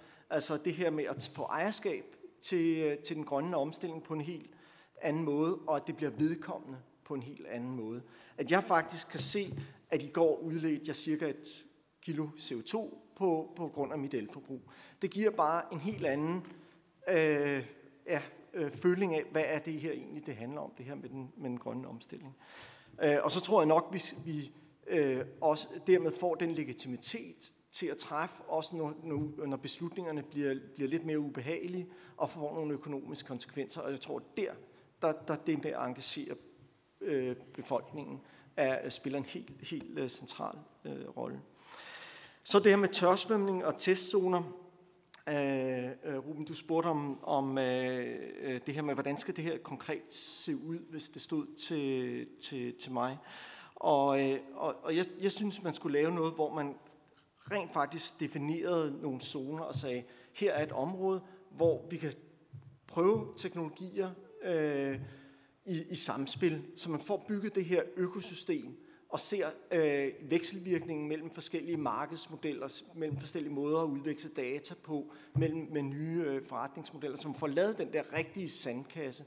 Øh, og der, der tror jeg stadig, selvfølgelig er der noget med at holde, holde hånd i hanke med, hvad det her er, så det ikke bliver et Wild West.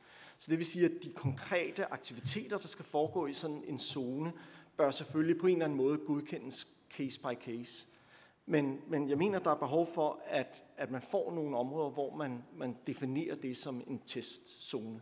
Og der øh, øh synes jeg, det, det vi laver ude i øh, Københavns Nordhavn, øh, er, synes jeg er et rigtig godt eksempel på, hvad det kan. Øh, det kan rykke med, med tusindvis af internationale erhvervsfolk og politikere, der kommer til og ser, hvordan man laver det her i, i praksis. Noget af det, som, som, øh, som fint er blevet adresseret øh, øh tidligere. Øhm, og så øh, det her med, om, om vi kan forudsige øh, barriererne øh, på, på forhånd, det kan vi ikke. Det, det viser, det vi har lavet ude i Nordhavn, der har vi øh, for eksempel installeret Danmarks største batteri, og vist, hvordan det kan bruges i alle mulige nye øh, øh sammenhænge. Alle de barriere, vi mødte der, dem, dem anede vi ikke på forhånd. Det var først, da vi gik i gang, vi sagde, okay, der, der findes ikke rigtig nogen noget, det er lidt, øh, der, det, vi, vi ved ikke helt, hvor vi er henne med lovgivningsmæssigt med det her, men lad os nu prøve det. Og så mødte vi alle de her barriere, der var omkring øh, sikkerheden, hvis man sætter sådan en batteri ind i en bygning, og alle mulige ting, vi overhovedet ikke havde drømt om øh, øh, på forhånd. Og så tror jeg, den sidste ting, det var så lige det her med de digitale kompetencer, som Katarina var, var inde på. Og der, øh, der kan man sige, at vi er i fuld gang. Altså, du nævnte selv øh, uh, DTU's uddannelse omkring kunstig intelligens, som er blevet DTU's, uh, øh, i hvert fald i top 3, uh, mest populære uddannelser. Vi har lige lavet en, en eller for et par år siden startede vi en ny uddannelse med bæredygtig energidesign. Hovedkomponenterne i den, det er energi, digitalisering og innovation. Øh, så, så vi for, i hvert fald fra universitets side er, har fuld fokus øh, på det der. Og der, hvor måske også kunne være behov for at sætte ind, det er måske på erhvervsuddannelserne og andre steder, hvor, hvor der også er behov for at, at, at, at lave hele den her transformation. Ja, tak. Tak for det. Øhm, og tak for den her øh, runde, første runde af vores høring. Og, øh, jeg må sige, det ideelle scenarie stiller op med, at man skal lave en strategi, som så til sammen kan styre vores udrulning af det her, støder jo netop ind i virkeligheden i forhold til, at der er et eksisterende system. Og noget af det sværeste i verden er jo at ubage en kage, der allerede er bagt. Så det er en stor og fin udfordring til os politikere, hvordan man reformerer det her grundlæggende system. Og jeg tror ikke, der er nogen, der er i tvivl om, at det, vi har hørt her, er den vej, vi skal, og at vi nu blandt andet den næste session skal søge efter nogle af de praktiske udfordringer og de øh, greb, vi så skal anvende. Øh, tak til panelet øh, for jeres gode øh, bidrag. Jeg håber, I bliver i salen også til næste runde. Vi holder nu 10 minutters pause. I er velkommen til at gå op og tage noget vand, eller en, jeg tror, der står en kage deroppe også. Og så starter så har vi sørget med også Jørgen S. Christensen fra Dansk Energi. Og velkommen til jer, men første taler er øh, Andres Pinto Bello Gomez, som er Senior Policy Analyst fra Smart Energy Europe. And you're with us uh, from Belgium today. Um, unfortunately, I'm, I suppose it's because of the quarantine and the disease situation that you couldn't be here in person. But um, Mr. Gomez, welcome to you, and uh, we're looking forward to your uh, presentation.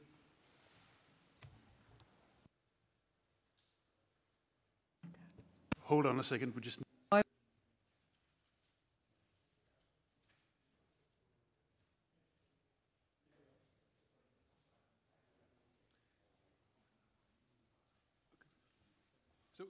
Mr. Gomez, have you un- Herr Gomez, har de tændt for mikrofonen? Vi kan nemlig ikke høre dem her i lokalet. Har de tændt for mikrofonen? No, still. Listen, we'll get back to you. Vi vender tilbage, når vi får lyden til at fungere herfra. Så hæng på, hæng på i 10 minutter, så vender vi tilbage.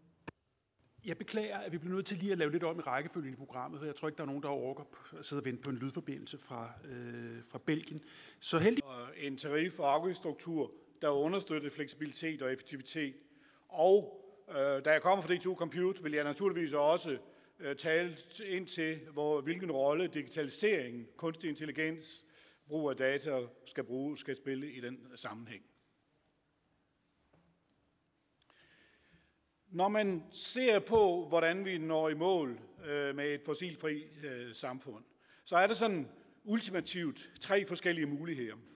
Et er at lave, øh, grave flere kabler i jorden, lave store øh, supergrid-forbindelser til vores, øh, vores nabolande. Øh, øh, en anden mulighed, som man taler en hel masse om, er brug af flere batterier. Øh, de to løsninger er begge to nogle løsninger, som jeg mener er meget omkostningstunge.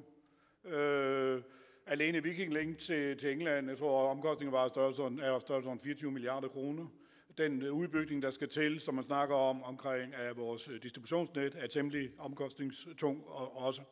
Og man kan også diskutere, hvor meget det giver ekstra arbejdspladser, som, som vi jo blandt andet nævnte, øh, både Troels og Lars og flere, ja hele panelet var jo enige om, at Danmark burde øh, tage en førerrolle på i forhold til at få accelereret øh, den grønne udvikling, ikke bare i Danmark, men i resten af verden. Det, jeg mener, man skal øh, have fokus på, det er fleksibilitet. Og fleksibilitet, det forudsætter digitalisering. Øhm, og øh, det er en meget, meget billig løsning i forhold til de to andre løsninger. Det er en løsning, som er klar, på mange måder er der klar til, at vi går i gang i morgen. Men vi har nogle store udfordringer, og derfor er jeg så glad for at være her i dag, for de udfordringer ligger i forhold til de rammebetingelser, energiafgifter, silotænkning i lovgivningen og også tarifferne, som, øh, som øh, vi, vi ser ind i. Det er, hvis man kan få gang i det og få jer til at skrige til handling, så kan vi virkelig få accelereret den grønne omstilling gennem grøn innovation.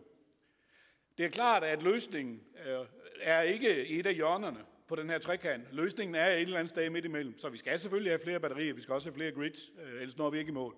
Men jeg tror, at man skal løfte niveauet lidt og kigge meget mere i retning af øh, fleksibilitet og, og dermed digitalisering og brug af kunstig intelligens.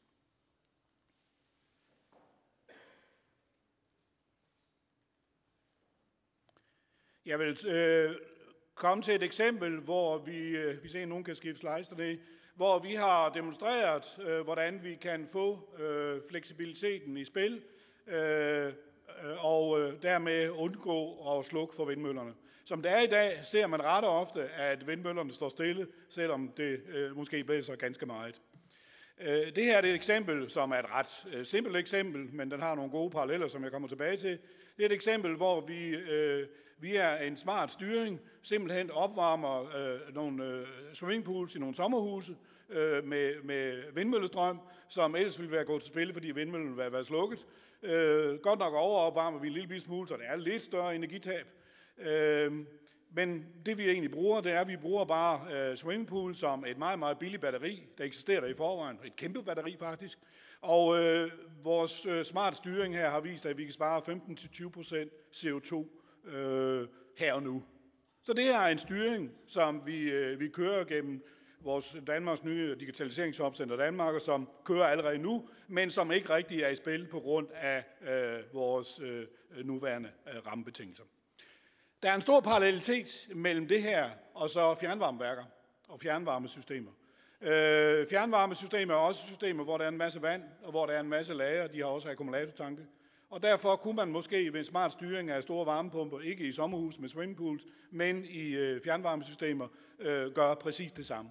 Det er helt overbevist om, man kan. Det er stort set copy og paste den her løsning over til fjernvarmeløsninger.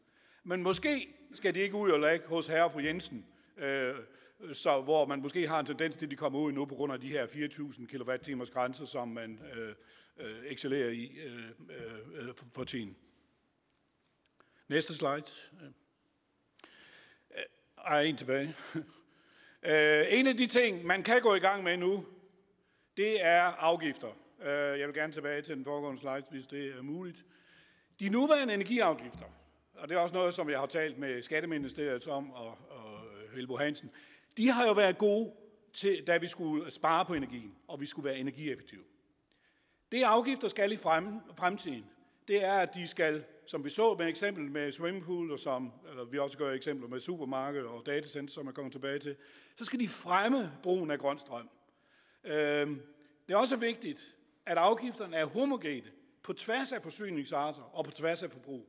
Og derfor er jeg så ked af for eksempel den der 4.000 kWh grænse, som betyder, at den enlige måske ikke skal bruge en forfærdelig masse strøm for at komme over grænsen. Og, øh, og, øh, og øh, hvis, øh, jeg, jeg drømmer også om at få en elbil, og hvis jeg, kommer om, hvis jeg får en elbil, så skal jeg absolut sørge for at også øh, have øh, elvarme, øh, fordi så bliver det meget, meget billigere at køre min elbil. Så sparer jeg øh, 60% af udgifterne til strøm til min elbil. Og det er jo lidt ærgerligt, fordi i forvejen er jeg koblet på et fjernvarmesystem, som er øh, reklameret med, eller siger, at de er 100, 100% øh, grønne. Vi mener, vi i dag, eller i morgen, kan lave et system, som vi har kørende flere forskellige steder, hvor vi styrer det, således at afgifterne er koblet til den aktuelle CO2 her og nu. Det vil så kunne give både effektivitet og fleksibilitet. Øh, og vi kan balancere de to imod hinanden, afhængig af, hvordan man politisk øh, gerne ser det, gør, det gjort.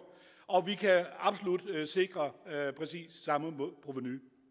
En af de ting, man har hørt meget om, Øh, øh, det er jo, øh, at øh, visse dele af industrien øh, vil flytte til udlandet, hvis, man, øh, hvis vi får nogle harmoniserer afgifter, så de også skal betale afgifter. Men det vi øh, foreslår, det er, at man betaler, øh, de betaler det ind til en fond, øh, hvor de så selv kan søge om at få penge tilbage, øh, for at øh, gøre deres produktion øh, fleksibel. På DTU arbejder vi blandt andet med FL Schmidt om øh, cementproduktion, og det er et af de områder, som kan være utrolig fleksibel, bare for at tage et eksempel, som har været fremme i medierne. Øh, det næste, jeg vil tale om, er afgifter, hvis du kan skifte. Øh, øh, nej, undskyld, tariffer. Tarifferne, altså den samlede pris i dag, er øh, sammensat sådan i rundtal, sådan at vi betaler 15% for energien. Vi betaler 20% for afgifterne, nej, for tarifferne, og så 65% for afgifter. De 65% er selvfølgelig en politisk beslutning, og det er jo fair nok, at vi skal have nogle penge i statskassen. Men vi kan også se, at vi betaler 20% til tarifferne, som er ligesom transportomkostninger. Så vi betaler altså øh, 30% mere cirka for at få transporteret strømmen end for selve strømmen. Det er i dag sådan, at tarifferne kan være koblet til tidspunkt på døgnet. Øh, for eksempel mellem kl. 5 og kl. 8 kan der være nogle ekstra høje tariffer. Sådan nogle løsninger er vi også rigtig, rigtig meget ked af. De er ikke særlig intelligente, og vi vil gerne hen og have nogle løsninger, som er koblet til de aktuelle udfordringer i nettet. Præcis hvor mange elbiler kommer der, og hvad er det for andre, hvor stor træk er der på varmepumpen, som måske intelligent ser et stykke ud i nettet, og ikke, ned hos, ikke ind hos de enkelte forbrugere. Så der mener vi også, at vi kan lave dynamiske og lokale tariffer gennem et prissignal, som fremmer fleksibel forbrug, øh, ved at både have et, et tarifsystem, øh, som er koblet både til øh, energiforbruget, altså kilowattimerne, og også til nogle kapacitetsbegrænsninger, som der naturligvis er i et elnet, og som så er relateret til, til kilowattværdien. Noget af det, vi øh, noget af det, som, vi, som jeg også hørte i den foregående tale, eller den foregående session, det var, at vi skulle gøre det i nogle testcenter. I, må gerne gå tilbage til den foregående. Øh,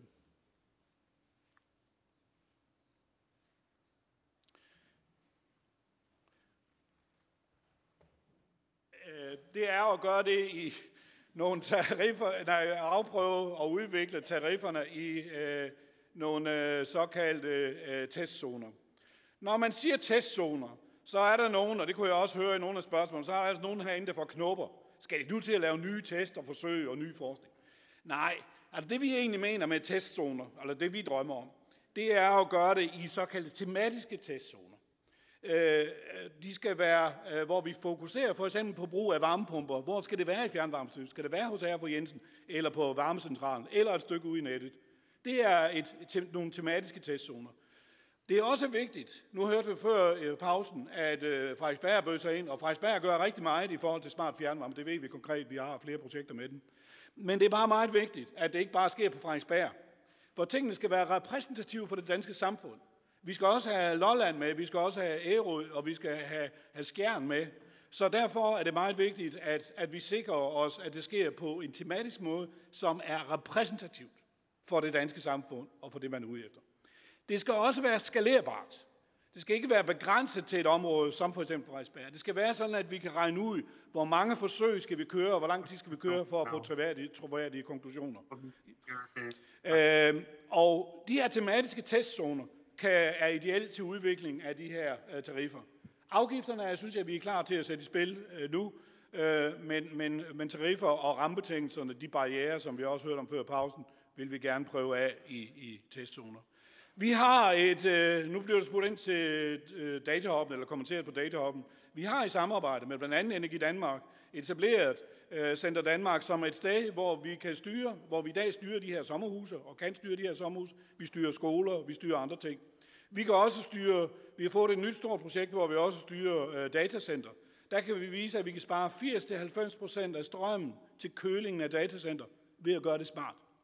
Og dermed kan vi spare øh, måske endda endnu mere på CO2-regnskabet. Det er utrolig mange, mange store besparelser, der ligger og venter, og det er nogle lavt hængende frugter.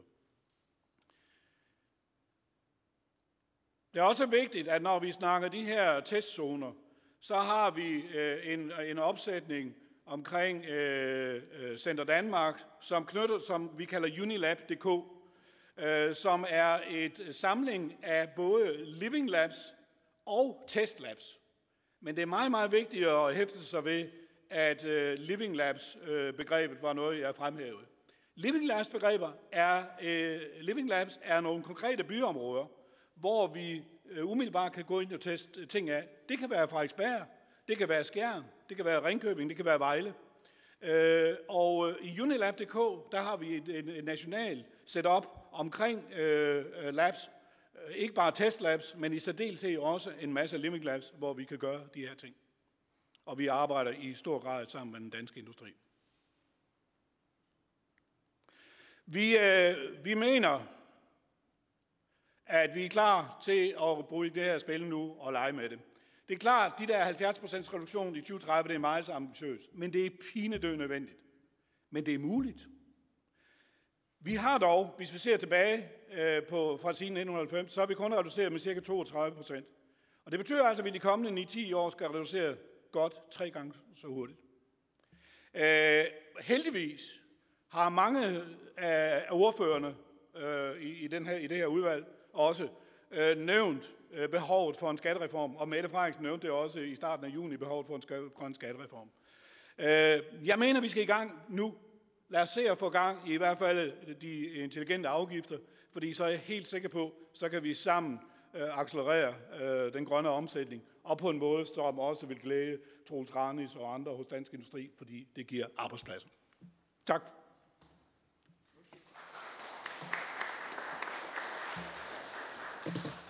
Tak for det. det uh, it seems that we have uh, made a break. Jeg tror, vi har fået... Ja, det er løst. Det er løst. Vi har lyden igennem. Velkommen til høringen. Tak fordi du vil deltage. Du har ordet. Vi skal høre om det europæiske marked og Danmarks rolle. Værsgo. Thank you very much. Um... Mange tak. Kære medlemmer af udvalget, tak for denne mulighed for at tale til udvalget, og tak for muligheden for at dele ud af vores viden om smarte energisystemer. Som sagt er mit navn Andres Pintobello. Jeg er senior analytiker i SmartN. Og før jeg går i gang, vil jeg gerne kort præsentere min organisation, som hedder SmartN, eller Smart Energy Europe. Det er en brancheforening med fokus på digitalisering, decentralisering og CO2-reduktion i energisystemet. Som øh, i kan se her på oversigten over vores, over vores medlemsvirksomheder, så dækker vi meget bredt. Vi har medlemmer i alle størrelser og på tværs af værdikæden, energileverandører, leverandører, serviceselskaber og teknologiselskaber. Vi har også flere medlemmer, som enten er danske eller er meget aktive i Danmark, som Vestas, Ørsted og Nuve. Så i dag skal jeg tale om smarte energisystemer og mere øh, specifikt om tre vigtige søjler i det smarte energisystemer, nemlig det vi kalder prosumers, nettariffer og afgifter og fleksibilitet på efterspørgselssiden. Så vil jeg understrege, hvordan Danmark står i forhold til de tre områder, sammenlignet med andre lande i EU, for at vi kan se, hvor jeres styrker ligger og hvor der er mulighed for forbedringer. Jeg skal tale øh, om nogle af de emner, som vi øh, forsker i i SmartN. Og på mine slides vil I kan også kunne se øh, de rapporter, vi har udgivet med hensyn til adgang til et fleksibelt elektricitetsmarked, øh, nettariffer og afgifter, indtægtsgenerering øh, gennem fleksibilitet i, på efterspørgselssiden. I november der lancerede vi en ny udgave af vores SmartN Kort, som øh, vi også kigger, hvor vi også kigger nærmere på prosumers i Europa. Og de ligger altså tilgængelige på vores hjemmeside, hvis øh, man vil kigge nærmere på det, og vi svarer også gerne på jeres spørgsmål. Men når vi taler om smarte energisystemer, så skal vi også tale om dem, der er i centrum for det. Dem, der kan sørge for at gøre energisystemet smart, nemlig vores aktive kunder, det vi kalder prosumers, altså forbrugere, som også producerer. Vi har delt dem op i forskellige kategorier og kigget på, hvad deres incitamenter er, om de er økonomiske eller ikke økonomiske. I vores tilgang til energisystemet, så er det jo meget øh, nyttigt, hvis man kan holde sig de her målsætninger og incitamenter for øje. Fordi de fleste prosumers har de samme mål. For det første deres egen forbrug. De vil gerne nedbringe deres elregning eller være mere sikre på deres øh, udgifter. For det andet vil de nedbringe prisen. Og for det tredje kigger de efter øh, større forsyningssikkerhed og være mere øh, modstandsdygtige over for strømsvigt. Endelig er der nogle sociale aspekter, som også er vigtige. For eksempel at bidrage til en CO2-reduktion eller følelsen af at være del, en del af et fællesskab. Alle de her målsætninger er jo fuld, fuldgyldige, men uden de økonomiske incitamenter, så kommer det ikke til at ske. Og de økonomiske incitamenter kan komme fra forskellige sider. De kan komme fra øh, myndighedsprogrammer som feed-indtakster eller smarte elmålere. Det kan også komme fra selve øh, strukturen i vores nettariffer og afgifter, sådan at man gør prissætning dynamisk og forbinder det med behovet i elnettet. Det kan også komme fra andre indtægtskilder. Det kan være ved, at man giver adgang til forskellige elektri- elektricitetsmarkeder. Og endelig kan det komme i form af direkte statsstøtte eller skattefradrag, men det er som regel en enkeltstående øh, ordning, og det er som regel ikke tilstrækkeligt i sig selv, og det er som regel også midlertidige ordninger.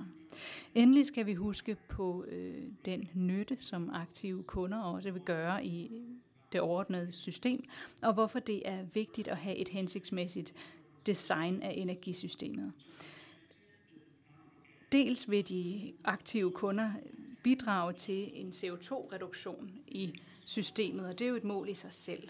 De vil nedbringe de overordnede omkostninger og gøre det mindre nødvendigt at investere i infrastruktur. De øger energisikkerheden og robustheden i systemet, nedbringer vores afhængighed af fossile brændstoffer så giver de også fleksibilitet, så vi får et mere stabilt netværk, som kan absorbere øh, produktionen af vedvarende energi.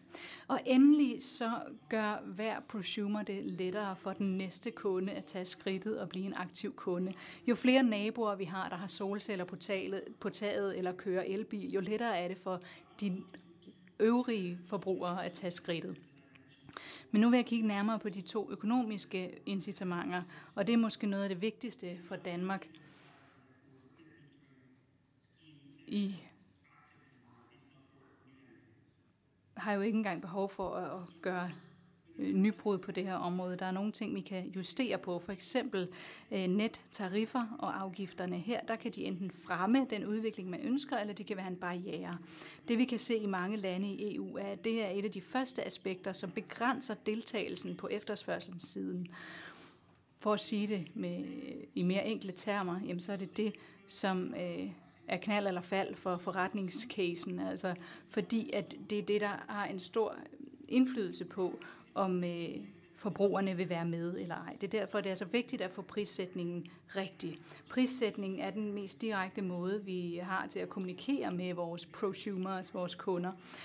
Og i bedste fald, så skal priser jo afspejle markedet og elnettets tilstand. Der skal være en balance mellem udbud og efterspørgsel. Det vi kan se med tariffer og afgifter er, at de forvrider de her signaler mellem udbud og efterspørgsel, og jo større en del af afgifter og tariffer, der er i den endelige energipris, jo større forvridende effekt har det. Det betyder, vil altså sige, hvis de ikke er designet på en smart måde. Og på baggrund af udtømmende forskning, dels fra DTU, så kan vi se, at tarifferne skal afspejle to ting for at give det rigtige prissignal. For det første skal de afspejle elnettets fysiske tilstand. Hvornår er nettet overbelastet, hvornår er det ikke, og hvor sker den her overbelastning. Så det er en vigtig information at få igennem. For det andet, så skal altså, der skal være et incitament til, hvornår man skal forbruge el, og hvornår man ikke skal. For det andet, så skal de være rettet mod den energikilde, som bliver, er mest udbredt i elnettet på et givet tidspunkt. Og så må vi ikke glemme, at vores mål er at få nedbragt CO2-udledningen. Øh, så derfor er prisen netop et godt øh, redskab at bruge for at sende et signal om, hvornår der er mest grøn energi i systemet. Men der er to fælder, man ofte falder i, når man skal sammensætte sine tariffer og afgifter. For eksempel bruger man en, en enkel tarifform, som er baseret på tidsforbrug, hvor man siger, at det er billigere fra klokken 8 om aftenen for eksempel. Og særligt i en mere elektrificeret økonomi, der vil det betyde, at forbrugerne koncentrerer deres forbrug efter klokken 8 om aftenen.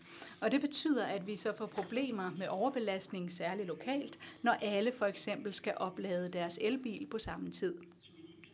Derfor har vi behov for dynamiske tariffer hele dagen igennem, fordi vi ønsker at undgå, at man samler forbruget på bestemte tidspunkter. Den anden fælde, man kan falde i, er, det, at man bruger den her øh, brugstidskomponent øh, komponent på alle, øh, på, kun på dele af elregningen, og man altså ikke bruger det samme princip på hele regningen. I Danmark kunne vi jo se den her opbygning med 65% afgifter, 20% tariffer og kun 15% reel energipris. Og hvis princippet om, hvornår man bruger elen, kun del gælder specifikt de 15 procent, der er energiprisen, jamen så får man ikke ret stort incitament ud af det. Og hvis man kun pålægger energidelen af regningen øh, det her princip om, hvornår man bruger elen, jamen så kan det have den modsatte effekt, fordi det gør øh, strømmen dyrere og sender blandede signaler til forbrugerne. Nu skal jeg ikke gå ind i, i nærmere detaljer øh, om det her, fordi at professor Madsen jo øh, har langt større ekspertise på det her område, end jeg har. Men for lige at runde af, kan jeg bare sige, at Danmark har jo øh, stor erfaring med nettariffer og afgifter. I har den største øh, andel af nettariffer i hele EU, og derfor er det en rigtig, rigtig god mulighed for at vise resten af os, hvordan et smart tarifdesign kan have en stor indvirkning på prissignalet og på inddragelsen af aktive kunder. Det andet økonomiske incitament, jeg gerne vil tale om, det handler om adgangen til markedet. At kunne indtægtsgenerere ved at sælge sin fleksibilitet på forskellige markeder, det vil være en indtægtskilde for vores prosumers, både for DSO og TSO-produkter. Noget af det, vi har lagt mærke til, er, at mange markeder hævder at være teknologineutrale, men så ser vi alligevel, at øh, de tekniske krav, der er for at deltage på markedet, er struktureret med de traditionelle strømgeneratorer for øje, og de ikke rigtig øh, er passende i forhold til systemoperatørernes behov. Det her kort, det er fra vores øh, artikel om, hvordan man får balance på elmarkederne. Det er en rapport fra 2018, og der kan man se, at der stadig er langt igen. Når det gælder Danmark, der så vi, at der var nogle begrænsninger på, som udelukkede deltagere fra markedet selvom produkterne efter sine skulle være teknologineutrale. Vi så, at der var en meget høj minimumsbudstørrelse for nogle produkter, og det gjorde det vanskeligt for mindre markedsdeltagere. Vi så også nogle meget strenge krav. For eksempel, at man skulle være registreret både som leverandør og som balanceansvarlig aktør for at kunne øh, deltage på markedet. Jeg ved, at nogle af de her øh, spørgsmål bliver taget op, blandt andet i elmarkedsdirektivet og forordningen, men vi skal blive ved med at sørge for, at der er et incitament til at udvikle smarte energisystemer. Nu har jeg jo lige et par slides, jeg vil gå hurtigt igennem. I øh, er velkomne til at spørge ind til dem. Men det her viser lidt, hvad vi kan forvente med hensyn til, hvilken værdi vi kan få ud af et fleksibelt energisystem i de enkelte lande. Det første eksempel her er fra Imperial College, som viser øh, Storbritannien i 2030 og de forventede besparelser, man kan få ud fra et mere fleksibelt system. Her kan man se, at øh, på tværs af de forskellige scenarier, der ser vi, at jo mere fleksibilitet og jo flere grønne elkilder vi har i systemet, jo større en besparelse får man for det overordnede system. Den anden slide her viser, hvordan elbilejere kan bruge smart opladning til gavn for hele systemet. Det her er et tilfælde fra øh, Storbritannien, og heroppe til højre, der kan man se forskellen på passiv opladning og smart opladning. Det er 1300 millioner euro om året. Og det stiger endda, vi har øh, de her vehicle to grid kapaciteter involveret, som man også har i Danmark. Men det vil kun kunne lade sig gøre, hvis man får struktureret sine nettariffer og sine afgifter ordentligt, og hvis man har V2G, som man faktisk også har i Danmark, sådan at man kan få adgang til markederne. Nu vil jeg gerne lige kort skitsere, hvordan vi ser vejen fremad. For det første skal vi have omarbejdet designet af vores tariffer og afgifter, sådan at man retter prissætningen mod de problemer, man ønsker at løse reelt dynamiske tariffer og afgifter, som har forbindelse til elnettets fysiske tilstand og den energikilde, som er mest udbredt i nettet på det tidspunkt. Vi har brug for fuld adgang til markedet for fleksibilitet, både når det gælder transmission og distribution. Og så skal man sørge for, at priserne afspejler den samlede værdi af fleksibiliteten. For eksempel sådan, at man undgår øh, at investere i ny infrastruktur. Det er jo også til gavn for systemet. Og endelig så skal vi bevæge os væk fra at give incitamenter til systemoperatorerne, som er rettet kun mod øh, investeringer i det fysiske netværk. Det er det, vi kalder en CAPEX-tilgang. Vi har behov for de rigtige incitamenter til at sørge for fleksibilitet, og det kommer kun, hvis vi har det, vi kalder en TOTEX-approach, altså hvor man tager højde for den samlede udgift til investeringen. Det giver et incitament til at investere holistisk i systemet sådan at der bliver øh, en gulerod for at lede efter løsninger på øh, problemer med elnettet, i stedet for bare at kigge på den enkelte kapitalinvestering. Endelig på min sidste slide her vil jeg gerne fokusere lidt på Danmarks styrker. Hvor står Danmark i sammenligning med andre EU-lande? For det første er der allerede et godt incitament for, at kunderne spiller en aktiv rolle i Danmark på grund af elektricitetspriserne. Og hvis man nu sendte de rigtige prismæssige signaler, så kunne potentialet øh, blive endnu større. Det vi har set er, at selv uden direkte statsstøtte eller direkte hjælpeordninger som feed-in-tariffer eller målafregning, så er de danske forbrugere stadig villige til at gå med på grønnere løsninger og spille en aktiv rolle. Det kan vi se i antallet af installationer af solcellepaneler på taget for eksempel, hvor mange der køber elbiler, øhm, og de innovative løsninger, vi allerede har i Danmark, øh, for eksempel V2G-teknologien og smart opladning, sammenlignet med andre lande, hvor det er helt nyt. Så Danmark har allerede erfaring med dynamiske tariffer, og der er en rigtig god markedspenetration af smarte elmålere i Danmark. Mange lande kommer i stedet til at tage et spring fra en helt statisk tarifsystem til en mere dynamisk øh, udgave.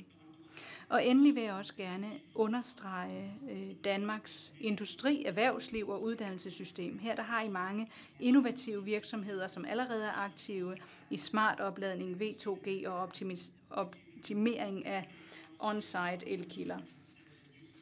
Det kan vi jo se øh, på, på vores medlemsvirksomheder, og jeg har også øh, et af de bedste tekniske universiteter i verden med DTU, som er fyldt med eksperter, der laver banebrydende forskning i smarte energisystemer. Så jeg vil opmuntre til, at man udnytter alle de styrker, man har i Danmark. Danmark er godt placeret til at blive førende i det nye energilandskab og bidrage med innovative og effektive løsninger, som kan gøre de smarte energisystemer øh, til et helt afgørende element i et lav CO2-samfund. Tak for det, og jeg besvarer gerne eventuelle spørgsmål.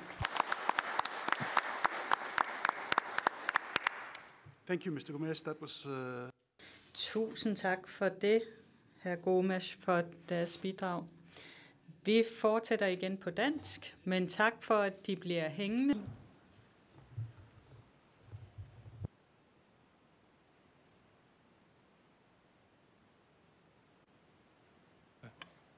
Hallo Øh, og samtidig spare penge.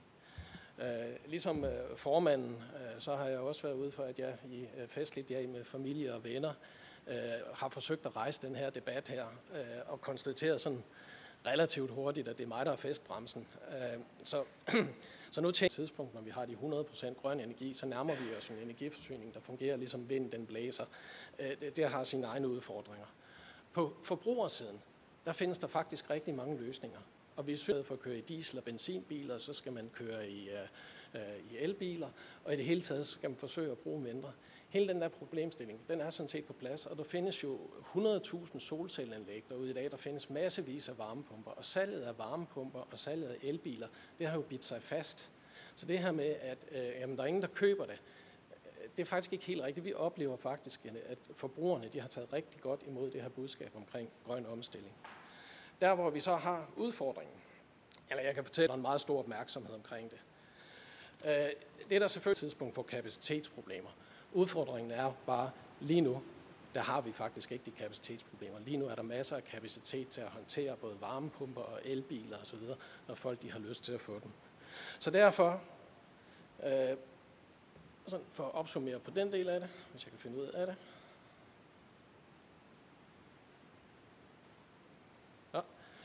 På produktionssiden, jamen, øh, der, der er der nogle udfordringer, men det primære handler i virkeligheden om teknologi, når vi kommer helt op på at have de her 100% øh, grøn strøm. På, og på forbrugersiden, vi prøver, det er heldigvis den sidste animation, jeg har. På forbrugersiden, øh, der, det, den her kop, det her. Og det gør jo så,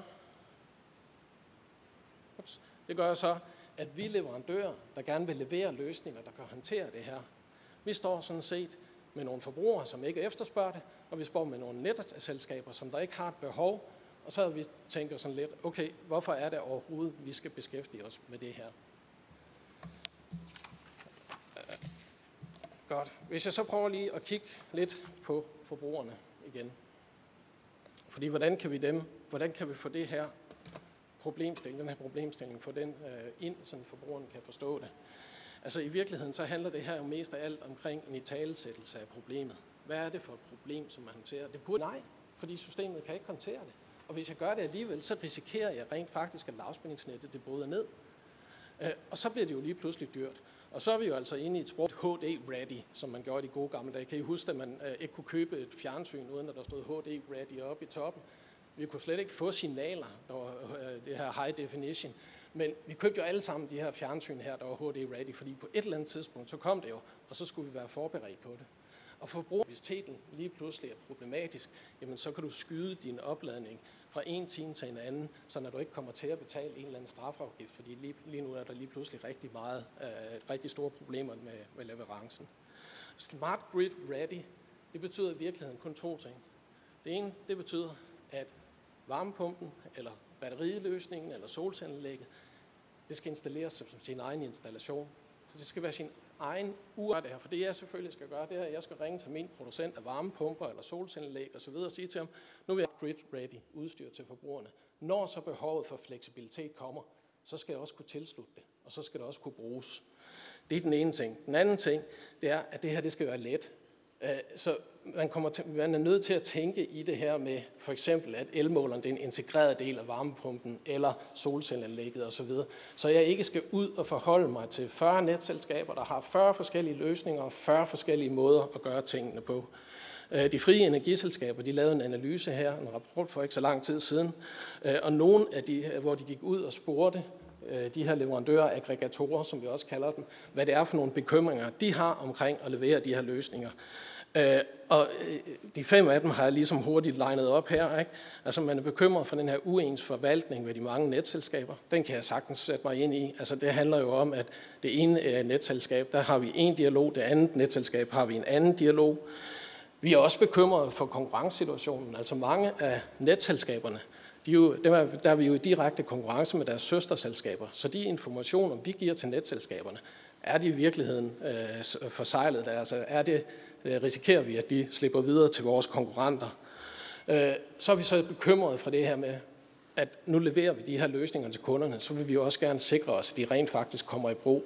Men vi har svært ved at forstå, hvornår kan man som netselskab bare vælge at sige, nu vil vi køre netforstærkning, altså grave et ekstra kabel ned, og hvornår vil man tage de her løsninger, som for eksempel uafhængige leverandører har leveret, tage dem i brug. Øh, så jeg synes jo, altså bottom line her er i virkeligheden, det starter og stopper et eller andet sted ved elmåleren. Det er den nemme beslutning. Altså lad os sikre os, at jeg kan levere en varmepumpe eller et anlæg med en elmåler, og at jeg kan få lov til at tilslutte den, og jeg kan få lov til at levere data til netselskaberne. Og jeg synes jo et eller andet sted, ups, hvis jeg kan, sidste slide. Oh, ja. Øh, jeg synes jo et eller andet sted, at man skulle prøve at kigge tilbage på elreguleringsudvalgets rapport, hvor at øh, det, i en af deres anbefalinger, den anbefaling, der hedder A3, den handlede om, at når vi nu er færdige med udrulningen af smart meter, så det er vi i år, når vi nu er færdige med det, så kunne det være, at man skulle prøve at gå ind og kigge på en gang til, hvordan er det ansvarsfordelingen skal være omkring måling af energi. Det var mine fem cent.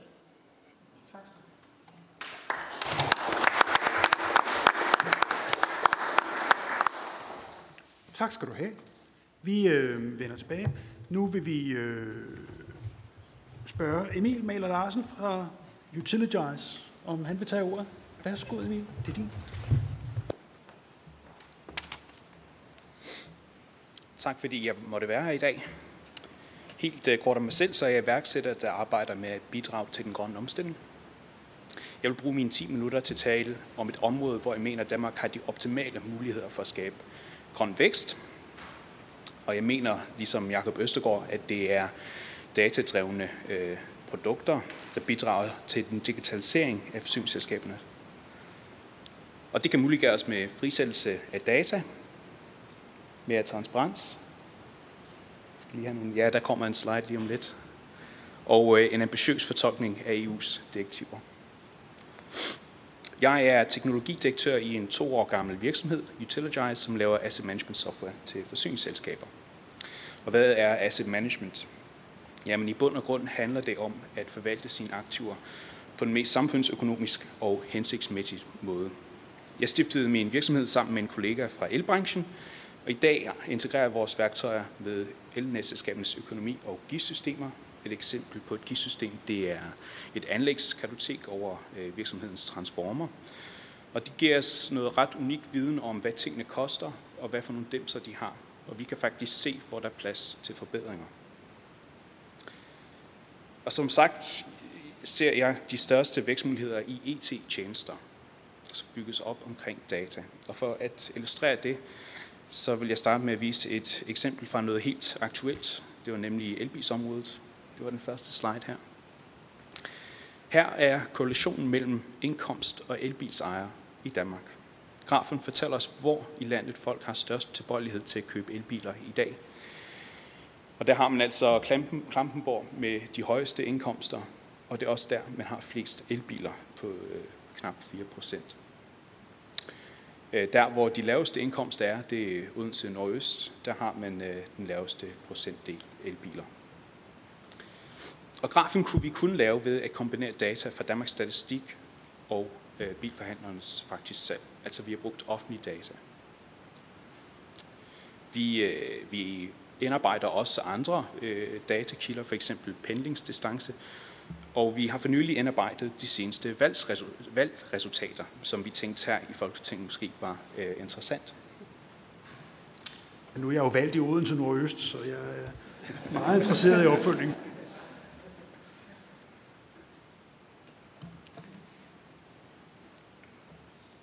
Her er koalitionen mellem, hvilket parti folk stemmer på, og elbilsejerskab, efter vi har korrigeret for indkomst. Så øh, Alternativs vælgere, de ligger i spidsen. De er cirka 40% mere tilbøjelige til at købe en elbil øh, end gennemsnit, gennemsnit. I den anden ende har vi øh, Venstres vælgere, som er cirka 35% mindre tilbøjelige til at købe en elbil end gennemsnittet. Og det her billede med indkomst og øh, valg, det, det har vi også opdelt på bil, øh, mærke og modeltype. Så det vil sige, vi kan faktisk se, at øh, grunden til, at Liberal Alliance de ligger lidt over i rød blok, det er fordi, at de godt kan lide at køre i de store dyre Tesla. Den her graf kunne vi kun lave, fordi vi har offentlige data i god kvalitet fra BBR, Danmarks Statistik, valgdatabasen og bilstatistik. Indtil videre ligner det her en analyse. Hvordan laver vi det til et produkt? Jamen, øh, så skal jeg tage noget mere offentlige data med. Der var det. Danmark har altså, oh, Danmark har altså øh, offentlige data i verdensklasse. Så skal vi lige gå en slide tilbage, hvis det kan lade sig gøres. Der var den. Øh, her viser jeg noget ortofotodata, som vi har fået fra kortforsyning. Øh, ortofotodata, det er billeder taget med flyvemaskiner over hele landet. Øh, og de har endda hjulpet os med at komme med tidsstempler, så vi kan sige, at billedet taget om morgenen eller om, øh, om eftermiddagen aften. Mellem 7, og, 7 om morgenen og 7 om aftenen har vi billeder for. Så har vi lavet noget maskinlæring på de her billeder, for at sige, hvor er biler parkeret i dag, hvor er de i bevægelse, og så kan vi bruge det til at sige, hvor skal man opstille ladestander, og hvor bliver nettet overbelastet i fremtiden.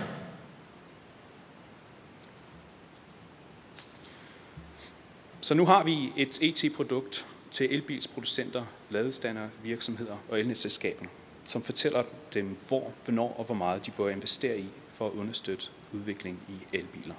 Data er altså blevet til et produkt. Den sidste slide er ikke vigtig. Danmark er førende med hensyn til offentlige data. Når vi taler med forsyningsselskaber, for eksempel i Italien, Japan og Tyskland, så fortæller de, at de ikke har samme omfattende offentlige data til rådighed. Men de siger også, at det kommer, og når det kommer, så står vi klar i Danmark med de rigtige værktøjer. Men Danmark kan gøre det endnu bedre. Danmarks statistikgebyrer er for høje. 60.000 kroner for en per dataudtræk er ikke noget, alle nystartede virksomheder har midler til. Og her bør der konkret ses på, hvordan adgangen kan gøres mere økonomisk overkommelig. Jo flere data vi offentliggør, desto flere produkter kan vi bygge. Og her betyder transparens meget. Uden lovgivning, som hjælper forsyningsselskaber til at frisætte data, vil vi ikke have haft noget så langt, som vi er i dag. Og nu kommer der endnu mere lovgivning fra EU, især omkring energifællesskaber.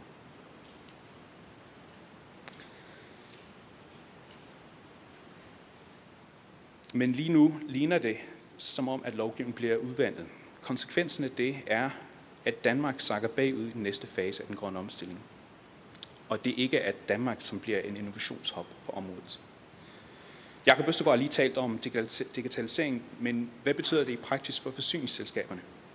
Det betyder, at alle interaktioner mellem forsyningsselskaber, deres kunder og tredjeparter skal automatiseres. Det betyder apps i stedet for papirarbejde. Det betyder API'er i stedet for menneskelige, menneskelige interaktioner på e-mails, breve og opkald. Monopolselskaberne er af natur langsomme til at indføre apps og API'er, fordi de ikke udsættes for naturlig konkurrencepres.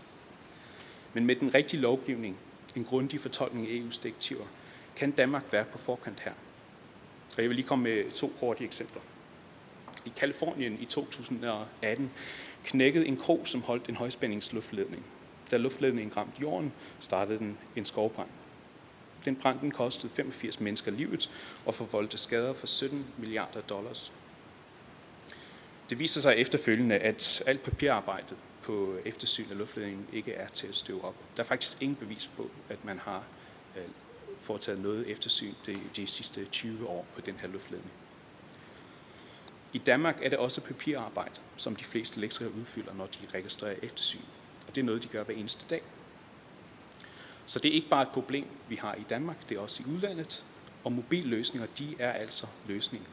De er hurtigere for elektrikere, de er nemmere for andre at kontrollere, at arbejdet er gjort rigtigt, og i sidste ende reducerer de risikoen for uheld. Og et andet eksempel, det handler om kommunikationen mellem de forskellige aktører i de kommende energifællesskaber. Monopolselskabernes interesse at fremme de her, disse kollektiver er lidt tvivlsomme, men der er mange nye forretningsmuligheder her, og derfor er det vigtigt, at ingen tunge processer forsinker udviklingen. API'er, der løbende og i realtid udveksler data mellem computere, erstatter de tunge processer. Og hvis man kan skrive de digitale løsninger ind i lovgivning, så gør det. Samfundet bliver rigere og mere agilt af det. Myndighederne i dag har en lidt gammeldags tilgang til reguleringen. De fokuserer på, hvor mange penge forsyningsselskaberne de kan spare. Men efter min bedste overbevisning er det ikke en helt rigtig tilgang. Hvis myndighederne i stedet for fokuseret på at skabe rammerne for digitalisering af forsyningsselskaberne og frisættelse af deres data, vil omkostningseffektivitet komme helt naturligt. Tak for jeres tid.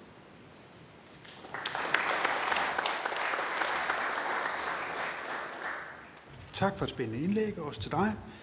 Øhm, Jørgen S. Christensen fra Dansk Energi. Vil du øh, runde af som den sidste taler i rækken, før vi går til spørgsmål? Tak skal du have. Tak. Som, øh, som rosinen i pølsen. Det ser ud til at være lidt spændende med den her pointer i dag. Vi skifter hurtigt videre til næste slide. Den har vi også set. Vi prøver en gang til. Den har vi set tidligere i dag, så den kan vi jo gå hurtigt igennem. Først og fremmest øh, tak for at være, have muligheden for at være her i dag, og tak til DTU også for at være en del af det her sektorudviklingsarbejde som repræsentant for Dansk Energi og vores branche. Vi synes jo, at den her slide er så god, den faktisk også er indgået i øh, øh, regeringens klimapartnerskab for energi og forsyning. Og grunden til, at jeg synes, der egentlig er værd at tage den med i dag, det er, at hvis vi kigger for et par år tilbage, så vil man nok have den der billede, at der var sådan lidt øh, Øh, kolossernes kamp om, hvad var det for en af de her infrastrukturer, du skulle øh, løbe med det hele. Den erkendelse er vi jo kommet til. Sektorkobling er, at vi skal have de her fire klassiske infrastrukturer til at spille sammen. Øh, og vi skal også investere ekstra i noget af dem, og nogle af dem ender med at være, hvad skal man sige, sunk cost i nogle områder. Og det skal vi finde ud af, og det er der, vi har behov for, for hjælp fra politikerne. Øh, og hvis man nu kigger på, på det her, så er det jo sådan de klassiske infrastrukturer, det er også de, øh, de professionelle aktører. Det er måske endda den nemmeste del af det, og det har måske ikke været så nemt, det vi har set i dag. Der er et spadestik dybere. Der er åbenbart langt til det spadestik. Vi prøver igen. Kan du skifte en gang på mig dernede? Tak. Øh, og det er jo faktisk også den lokale sektorkobling. Anders Milgaard var lidt inde på det. Vi skal også have energiforbrugerne med. Vi, vi går jo fra de energiforbrugere, som i oprindeligt bare var rene aftager af energi. De bliver nu producenter. Vi så det med, med knap 100.000 solcelleranlæg i, i 2012. Lige pludselig begynder husstandene at producere deres egen energi. Måske vil de sælge noget af overskuddet til omverdenen. Måske kunne de faktisk lidt smartere bruge noget af det internt i deres husstand. Den klassiske er jo, solcellerne de producerer alt strømmen, mens vi er på arbejde, og så når vi kommer hjem, så begynder vi at skal have det tilbage fra energisystemet. Måske kunne det gøres smartere. Vi så et eksempel tidligere med, hvad man kunne gøre med en swimmingpool. Vi vil se noget lokal lagring, og det skal styres smart. Det skal ikke være sådan, at man fylder hele batteriet i de to timer om formiddagen, og så står vi heller det ude på nettet resten af tiden. Det skal gøres smartere. Det næste step, som vi jo ser også kommer fra EU, det er den her borgerenergifællesskab, der kommer i ren energipakken. Der kører rigt, allerede nu nogle rigtig spændende projekter. Det kan være måske større etageejendomme, det kan være villakvarterer, der prøver at arbejde sammen. Her er det typisk en geografisk enhed. Det kunne være, hvis mit øh, hustag lå lidt bedre for solceller, så kunne jeg lave noget strøm og, og dele med naboen, som hvis hustaget måske lå lidt anderledes. Så er det ligesom på samme geografi. Der er også nogle spændende tanker om, hvordan gør vi det geografisk spredt? Kunne man lave noget i Nordhavn, som også kunne bruges i Sydhavn? Ja, så er der altså et elnet, der skal koble det sammen. Øh, og, øh, og det skal vi jo være åbne for, for det er en del af den udvikling, vi vil se de kommende år. Vi, vi hopper en slide med, hvis jeg kan få hjælp til det. Det kommer med en pris, øh, og, og bare glem det med småt, havde jeg nær sagt.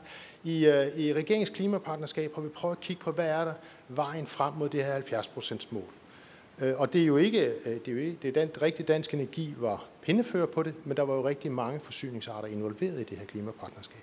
Vi kommer altså til, for at nå 70% målet, kommer vi til at skulle bruge cirka dobbelt så meget strøm i 2030. Den investering frem mod 2030, hvis vi kigger på hele transmissions- og distributionsnettet ligger i størrelseorden 56 milliarder. Det er sådan set bare for at holde det ved lige, det vi har i dag. Det har en vis elning, og så skal der bygges lidt ekstra til udlandet. Hvis vi gør det smart, og jeg skal nok komme med et billede på, hvad smart er lige om lidt, et meget simpelt billede, så kan vi sådan set fordoble energimængden, vi transporterer i det her net, for yderligere 23 milliarder. Det bliver sådan set billigere per kilowatt-time, hvis vi gør det smart. Hvis vi gør det dumt, så, bliver vi, så går vi altså fra at skal investere 79 milliarder i den her periode til 110 milliarder. Så der er virkelig penge i at gøre det her smart. Øh, og så kan I få slicen og læse det med småt bagefter. Men hele essensen er det, det er at benytte de metoder, digitalisering, teknikker til at gøre det smart, for ellers så bliver det her urimeligt dyrt at lave den her omstilling. Vi prøver at hoppe en slide.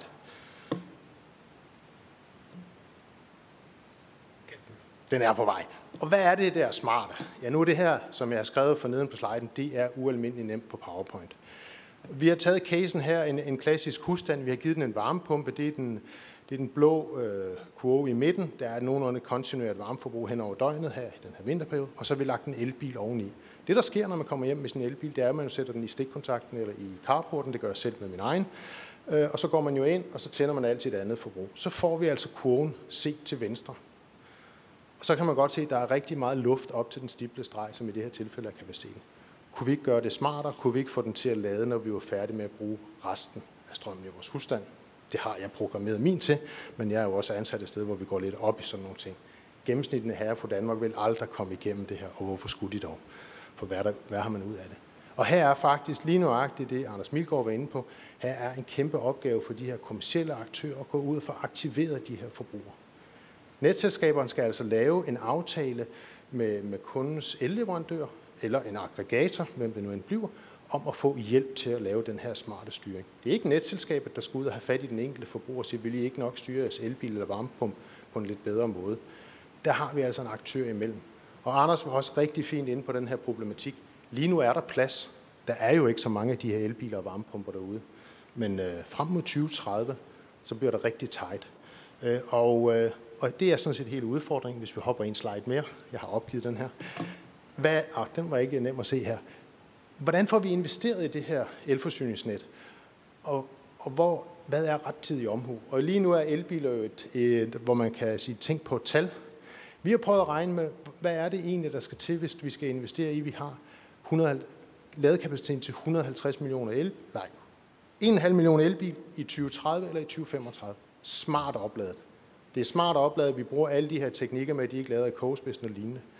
Og hvad nu, hvis vi kommer, lad os så sige, til at investere fem år for tidligt? Hvad koster det så, hvis vi har et elforsyningsnet stående frem, klar i 2030 til halvanden million elbiler? De skulle så først bruges. Elbilerne kommer lidt senere. Så koster det 45 kroner per husstand frem mod 2035, at det her øh, elinfrastruktur stod for tidligt færdig. Alternativet var, som Andersen sagde, så kan vi altså ikke lade elbilerne, hvis vi først er klar i 2035, men de kom i 2030. Og det er egentlig her, vi har behov for nogle klare politiske pejlemærker. Hvad er det for en infrastruktur, vi skal bygge?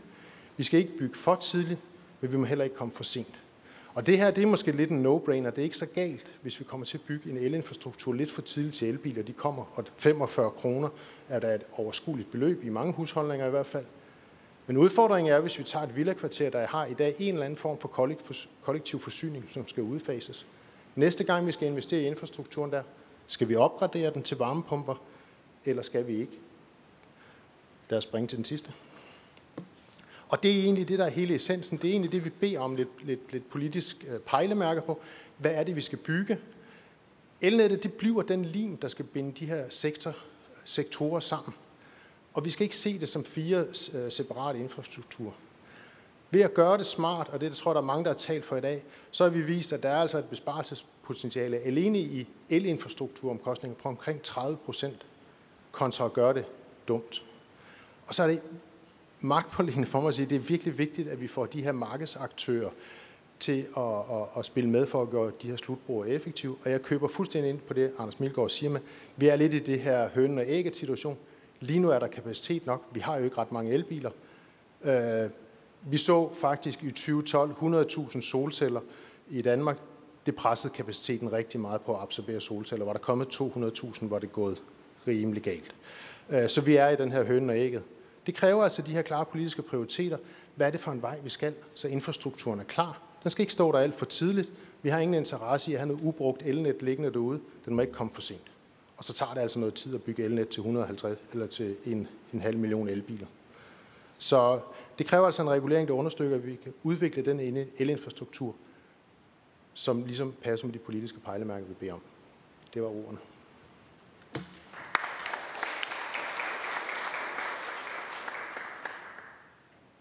Tak for det. Det var jo, øh, der var stof til eftertanke der. Nu vil jeg igen øh, rette blikket mod øh, politikerne og opfordre til, at I kommer med jeres spørgsmål nu, hvis der er nogen af jer, der har noget, I brænder ind med, og beder jer huske, at vi også stadigvæk har vores øh, belgiske deltagere siddende derude. Er der nogen af jer, der har lyst til at markere, til at stille spørgsmål? Tommy, du får lov at starte. Tak for nogle øh, virkelig gode indlæg. Øh, Emil, jeg har altså en Tesla. Så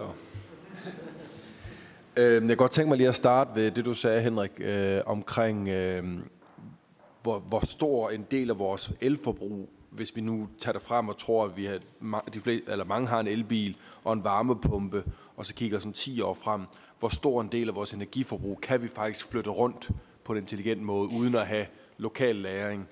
Om du kan komme lidt nærmere på det, fordi der er jo noget af det, som, og det er jo ikke sjovt at se, se tv midt om natten. Øh, og så nummer to spørgsmål. Hvor gode data har vi egentlig i dag i forhold til det energisystem, vi har lige nu? Altså, hvor meget ved vi egentlig om det? Hvor flaskehalserne er i forhold til det, vi allerede gerne vil have de næste to-tre år, og ikke om, øh, om 10 år? Og det sidste spørgsmål nok mest til dig, Jørgen. Øh, hvad er der for en beslutning, vi mangler at træffe, for at du får den klarhed, du efterspørger her? Vi har jo sagt 70 procent. Det er der ikke nogen, der vakler på. Heller regeringen, selvom de rigtig vil gøre noget. Men der er ikke nogen, der vagter på de 70 procent. Vi har sagt, at vi tror på el, fordi vi investerer så massivt i det, også med energiøerne. Og vi tror også på, at vi skal bruge det i vores transport. Men hvor er det præcis, du mangler beslutningerne for, at I kan begynde at sige, så skal vi investere herover og sige det til os? Øhm, ja, du må gerne svare. Så skal vi på speak. Jamen, øh, vi mangler ganske enkelt en, øh, en, en, en regulering af den her øh, monopolinfrastruktur, som honorerer den her investering. Den regulering, vi har, den bygger på, at elforbruget stiger cirka 2% om året. Det skal gå lidt anderledes, så lige nu er det bare en rigtig dårlig investering i at forberede sig net. Det, det, er, det er sådan en, som almindelige investorer aldrig vil foretage. Så det vil være step 1 så, så vil du få den investeringsvillighed, og nok også den risikovillighed til at sige, at vi tager et ekstra vilde kvartal i. Men lige nu er det en rigtig dårlig investering med den regulering, vi har. Den er bygget til det gamle elforbrug. Ruben Kide. Tak for det. Henrik. Ja, altså du har to spørgsmål, så vidt jeg husker. Den ene øh, del, hvor stor en del af energiforbruget kan vi gøre fleksibelt.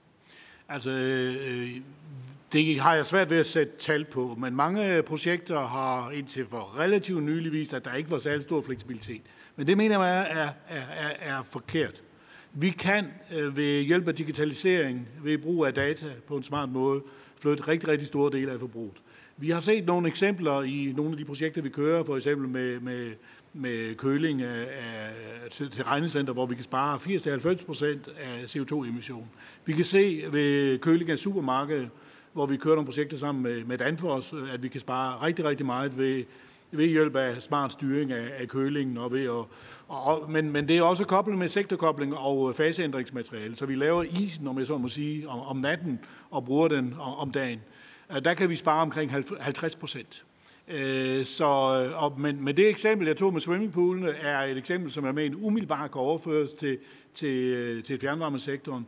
Der er den ulykke, jeg ser, man er ved at begå nu, lige nu, det er de der 70, eller 4.000 kWh grænse, som betyder, at det er nok de små hjem, der har tendens til at købe varmepumperne. Jeg tror, at det er mere optimalt at, at lægge det et stykke ude i systemet. Måske ikke hos selve fjernvarmen, det ved jeg ikke, men, men i hvert fald et stykke ude i nettet, fordi så får vi langt større fleksibilitet, end vi gør, hvis vi lægger den helt ude hos herre Jensen. Og jeg tror også, at vores beregninger viser også, at det er langt billigere for samfundet, hvis vi gør det. Øh, og den anden del, øh, hvor gode data har vi? Jamen altså, øh, jeg mener, vi har, vi har gode data, og i det samarbejde, vi har for eksempel med Energinet og, og mange andre universiteter, hvor vi, vi prøver at bruge data på tværs af energiforsyningsarter, øh, øh, som en parallel til datahoppen, men, men så altså i realtid, øh, der har vi adgang til rigtig, rigtig mange data. Der er jo heldigvis kommet nogle EU-krav om, at vi skal have adgang til, til målerdata, og det er ved at blive rullet ud i Danmark og er, er langt frem i den sammenhæng. Så øh, øh, vi kunne gøre rigtig meget i, i, i dag eller i morgen. Hvis jeg skal lige sige noget om flaskehalsen. Ja, værsgo. Yes, tak. Øh, måske halvdelen af netselskaberne ved, hvor flaskehalsene er henne. Dem, der har købt de rigtige systemer. Øh, den anden halvdel, de er måske ikke helt der endnu. Men det er især nede i lavspændingsnettet, hvor man skal kombinere fjernaflæs målerdata, nettopologi, en masse forskellige kilder, og så lave nogle simuleringer for at sige, hvad er øh, kapaciteten. Øh, og så er spørgsmålet, øh, hvordan offentliggør man det, sådan at øh, de kommersielle aktører kan, kan, kan komme ind og, og bidrage de rigtige steder.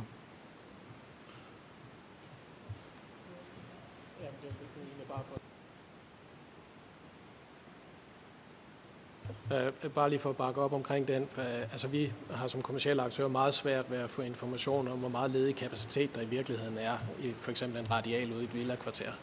Uh, det kan jo gå hen og blive en frygtelig dårlig kundeoplevelse, hvis vi bare får solgt fire elbiler på en eller anden villavej, og der så ikke er el nok til, at man rent faktisk kan lade dem op. Og den information, den kan vi ikke finde i dag. Ruben Kide, værsgo. Mange tak. Og tak for de fine oplæg. Øhm, ja, øhm, tre spørgsmål. Øh, det, det, det ene er til, til Henrik Madsen. Øhm, jeg, øh, nu handler det her også om lidt om, hvad der er øh, perspektiver, potentialer og forbedringer. Og du siger selv, at vi skal gøre det her, hvis vi skal i mål med, med, med vores øh, 70% målsætninger. Øhm, hørte jeg dig i virkeligheden også sige, at det var bydende nødvendigt at gå i gang med det samme på afgifterne, og, øh, og, og skulle jeg høre i det, at det i virkeligheden var sådan en form for CO2-afgift, som du, du anbefalede, at der skulle træde i kraft hurtigt, hvis det skulle kunne lade sig gøre. Et øhm, spørgsmål. Ja, nu, nu glemte jeg desværre, det var ellers et super fint øh, oplæg fra Utilities, øh, og, øh, og øh, keep them coming med de her øh, på partiniveau, på, øh, på øh, hvem der køber hvad. Øh, det var flatterende. Øh, Så mange radikale er der slet ikke. øhm, men øh, det må vi tage, tage senere. Jeg, jeg, øh, I'm gonna, gonna switch to English because I was... Øh... Nu slår jeg lige over i engelsk, fordi jeg har et spørgsmål til Andres og også til Anders. Til jer begge. Det handler om, hvilke muligheder der er for forbrugerne til at blive prosumers. Altså til at producere strøm. Hvis vi kigger på 2020, Hvor mange forbrugere er der så, som lige nu rent faktisk er prosumers. Vi hører fra Jørgen fra Dansk Energi. Han er allerede ved selv at programmere sin elektriske bil, øh, sådan at den passer ordentligt ind i strømnettet. Så allerede nu i 2020, hvor mange øh, forbrugere er også prosumers? Og hvis vi gør det her rigtigt, hvad forestiller I jer så, at vi kan nå op på? Hvor stor en andel? Hvad er perspektiverne, når vi når 2030? Tak. Henrik Madsen, vil du... Øh... Ja, øh, det vil jeg gerne. Altså, ja, du hørte fuldstændig rigtigt. Jeg mener, at øh, det er... Ah, undskyld. Ja, du hørte fuldstændig rigtigt. Jeg mener, det er pinedød nødvendigt, at vi kommer i gang med CO2-afgifter øh, her og nu. Og det er altså de såkaldte, det man i energiaftalen 2018, tror jeg, kaldte dynamiske afgifter, eller altså koblet til CO2-emissionen i timen. Altså det, det er vi klar til. Vi har takket være både øh, nogle, nogle gode danske firmaer, øh, Tomorrow, som er en frontrunner inden for det her område, men også øh, andre har de der CO2-tal, så det kunne vi, øh, det kunne vi sætte i, gang. Øh, det kunne vi sætte i gang nu.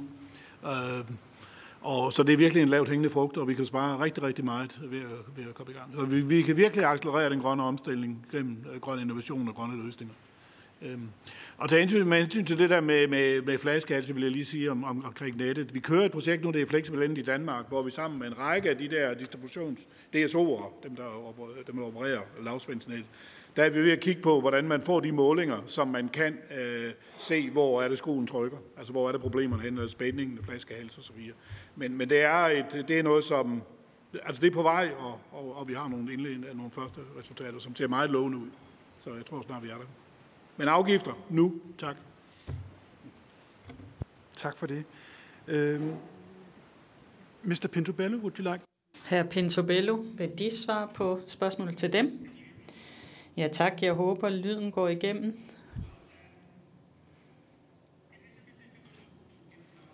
Det er svært at sætte tal på lige nu. Tallene kommer i november med vores smart map om forbrugere. Så jeg skal meget gerne følge op senere med dem og sende dem tallene, når de kommer. Det vi har set i Danmark, er, at der er meget stor deltagelse med solceller på øh, taget i de sådan mere kommercielle områder. Og dem bør man knytte sammen med lavringsløsninger og smart opladningsenheder. Man har også set, at de bevæger jer mod varmepumper. Og i den forbindelse er det vigtigt, at det bliver gjort på en holistisk måde. At man ikke kun ser på elektrificering, men også på elektrificering koblet sammen med en omarbejdelse af tarifferne. Fordi ellers, ellers så det der med at få forbrugerne til at blive aktive forbrugere, der vil signalet til forbrugerne ikke være på linje med det mål, vi egentlig gerne vil nå for energisystemerne. Så man risikerer, at, at man netop sender et, et negativt incitament til forbrugerne. Hvis man skal have forbrugerne til at spille en aktiv rolle, så skal man først og fremmest netop koble solpanelerne med øh, lavring og smart charging til, e til elbilerne. Men også når vi ser på industrien, så skal man tænke også på den flex, det fleksible forbrug og hvordan det kan indgå i systemet. Som sagt kan jeg ikke give de præcise tal endnu, men jeg håber at kunne give de tal i november. Men indtil da, så er det vigtigste budskab altså, at hvis vi skal have tallene op, som, som vi vil gerne vil have dem op for at nå klimamålene, skal hele systemet arbejde i samme retning. Og det er kun muligt, hvis vi får lavet de her reformer og, og angriber det fra alle sider skatter og afgifter, adgang til markedet, lempelser af reglerne osv. Men vi kan jo se, at der allerede er interesse for det her. Og forbrugerne vil gerne selv kunne styre deres energiforbrug, og de ønsker grøn energi. Vi skal bare give dem de rette redskaber og incitamenter til at øh, kunne gøre de ting, de gerne vil. Tak for det. Ja, tak.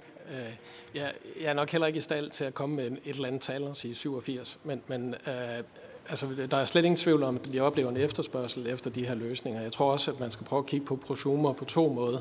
Altså, en det er øh, prosumeren, som der får varmepumpen, øh, og som øh, udskifter sit oliefyr. Du har dem, der har deres eget solcelleanlæg osv. Der, hvor vi ligesom kommer lidt til kort, det er, at de, alle de her anlæg her, de får ikke lov til at bidrage til fleksibiliteten. Altså, de, de kører jo bare ude lokalt i dag, om jeg så må sige. Men vi udnytter dem ikke optimalt i den forstand, at vi rent faktisk kan få dem til at bidrage til de kapacitetsproblemer, vi får i lavspændingsnettet på sigt. Øh, så for mig det handler det her meget om, hvordan sikrer vi, at alle de her løsninger, som der bliver solgt hver eneste dag, og alle de løsninger, der er derude, at de rent faktisk kan komme til at bidrage til fleksibiliteten og de, de problemstillinger, der er der. Tak for det. Vi er nået så småt til vejs ende. Jeg vil øh, bruge nogle få ord på at runde af, før vi øh, slutter høringen i dag. Jeg vil gerne takke for alle de øh, input, der har været, de spørgsmål, der har været, den interesse, der har været fra publikum. Det er jo typisk for det parlamentariske arbejde og folkestyret, at vi altid regulerer lidt på bagkant. Teknologien løber først, mulighederne kommer først, og så skal vi finde ud af, hvordan vi regulerer det. Og det tror jeg, vi har et godt eksempel på her, hvor vi har et bandsat kompliceret samspil mellem utrolig mange ting, både fiskale og tekniske og klimamæssige, og en regulering, der jo nogle gange er 20 eller 30 eller 40 år gammel, som vi nu skal lave om på, sådan så det flugter med fremtidens behov. Og det er ikke så let.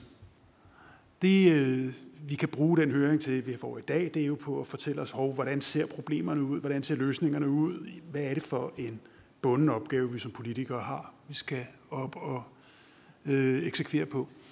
Og det kommer til at kræve altså en hel del beslutningskraft og handlekraft fra politisk niveau. Det øh, kræver det rigtige brændstof, det er det, vi har fået i dag. Noget indsigt og noget viden. Så øh, tak er et fattigt ord, og øh, det giver desværre kun en bedre viden om, hvor stor en opgave vi egentlig står overfor. Men den må vi jo tage på os. Så jeg vil sige tak for, for inputen, og håber, at I vil blive ved med at bide os i haserne og komme med de input, der skal til, for at vi får ændret de her systemer sådan så vi får taget både de lavt frugter og de nødvendige beslutninger. Tak for i dag.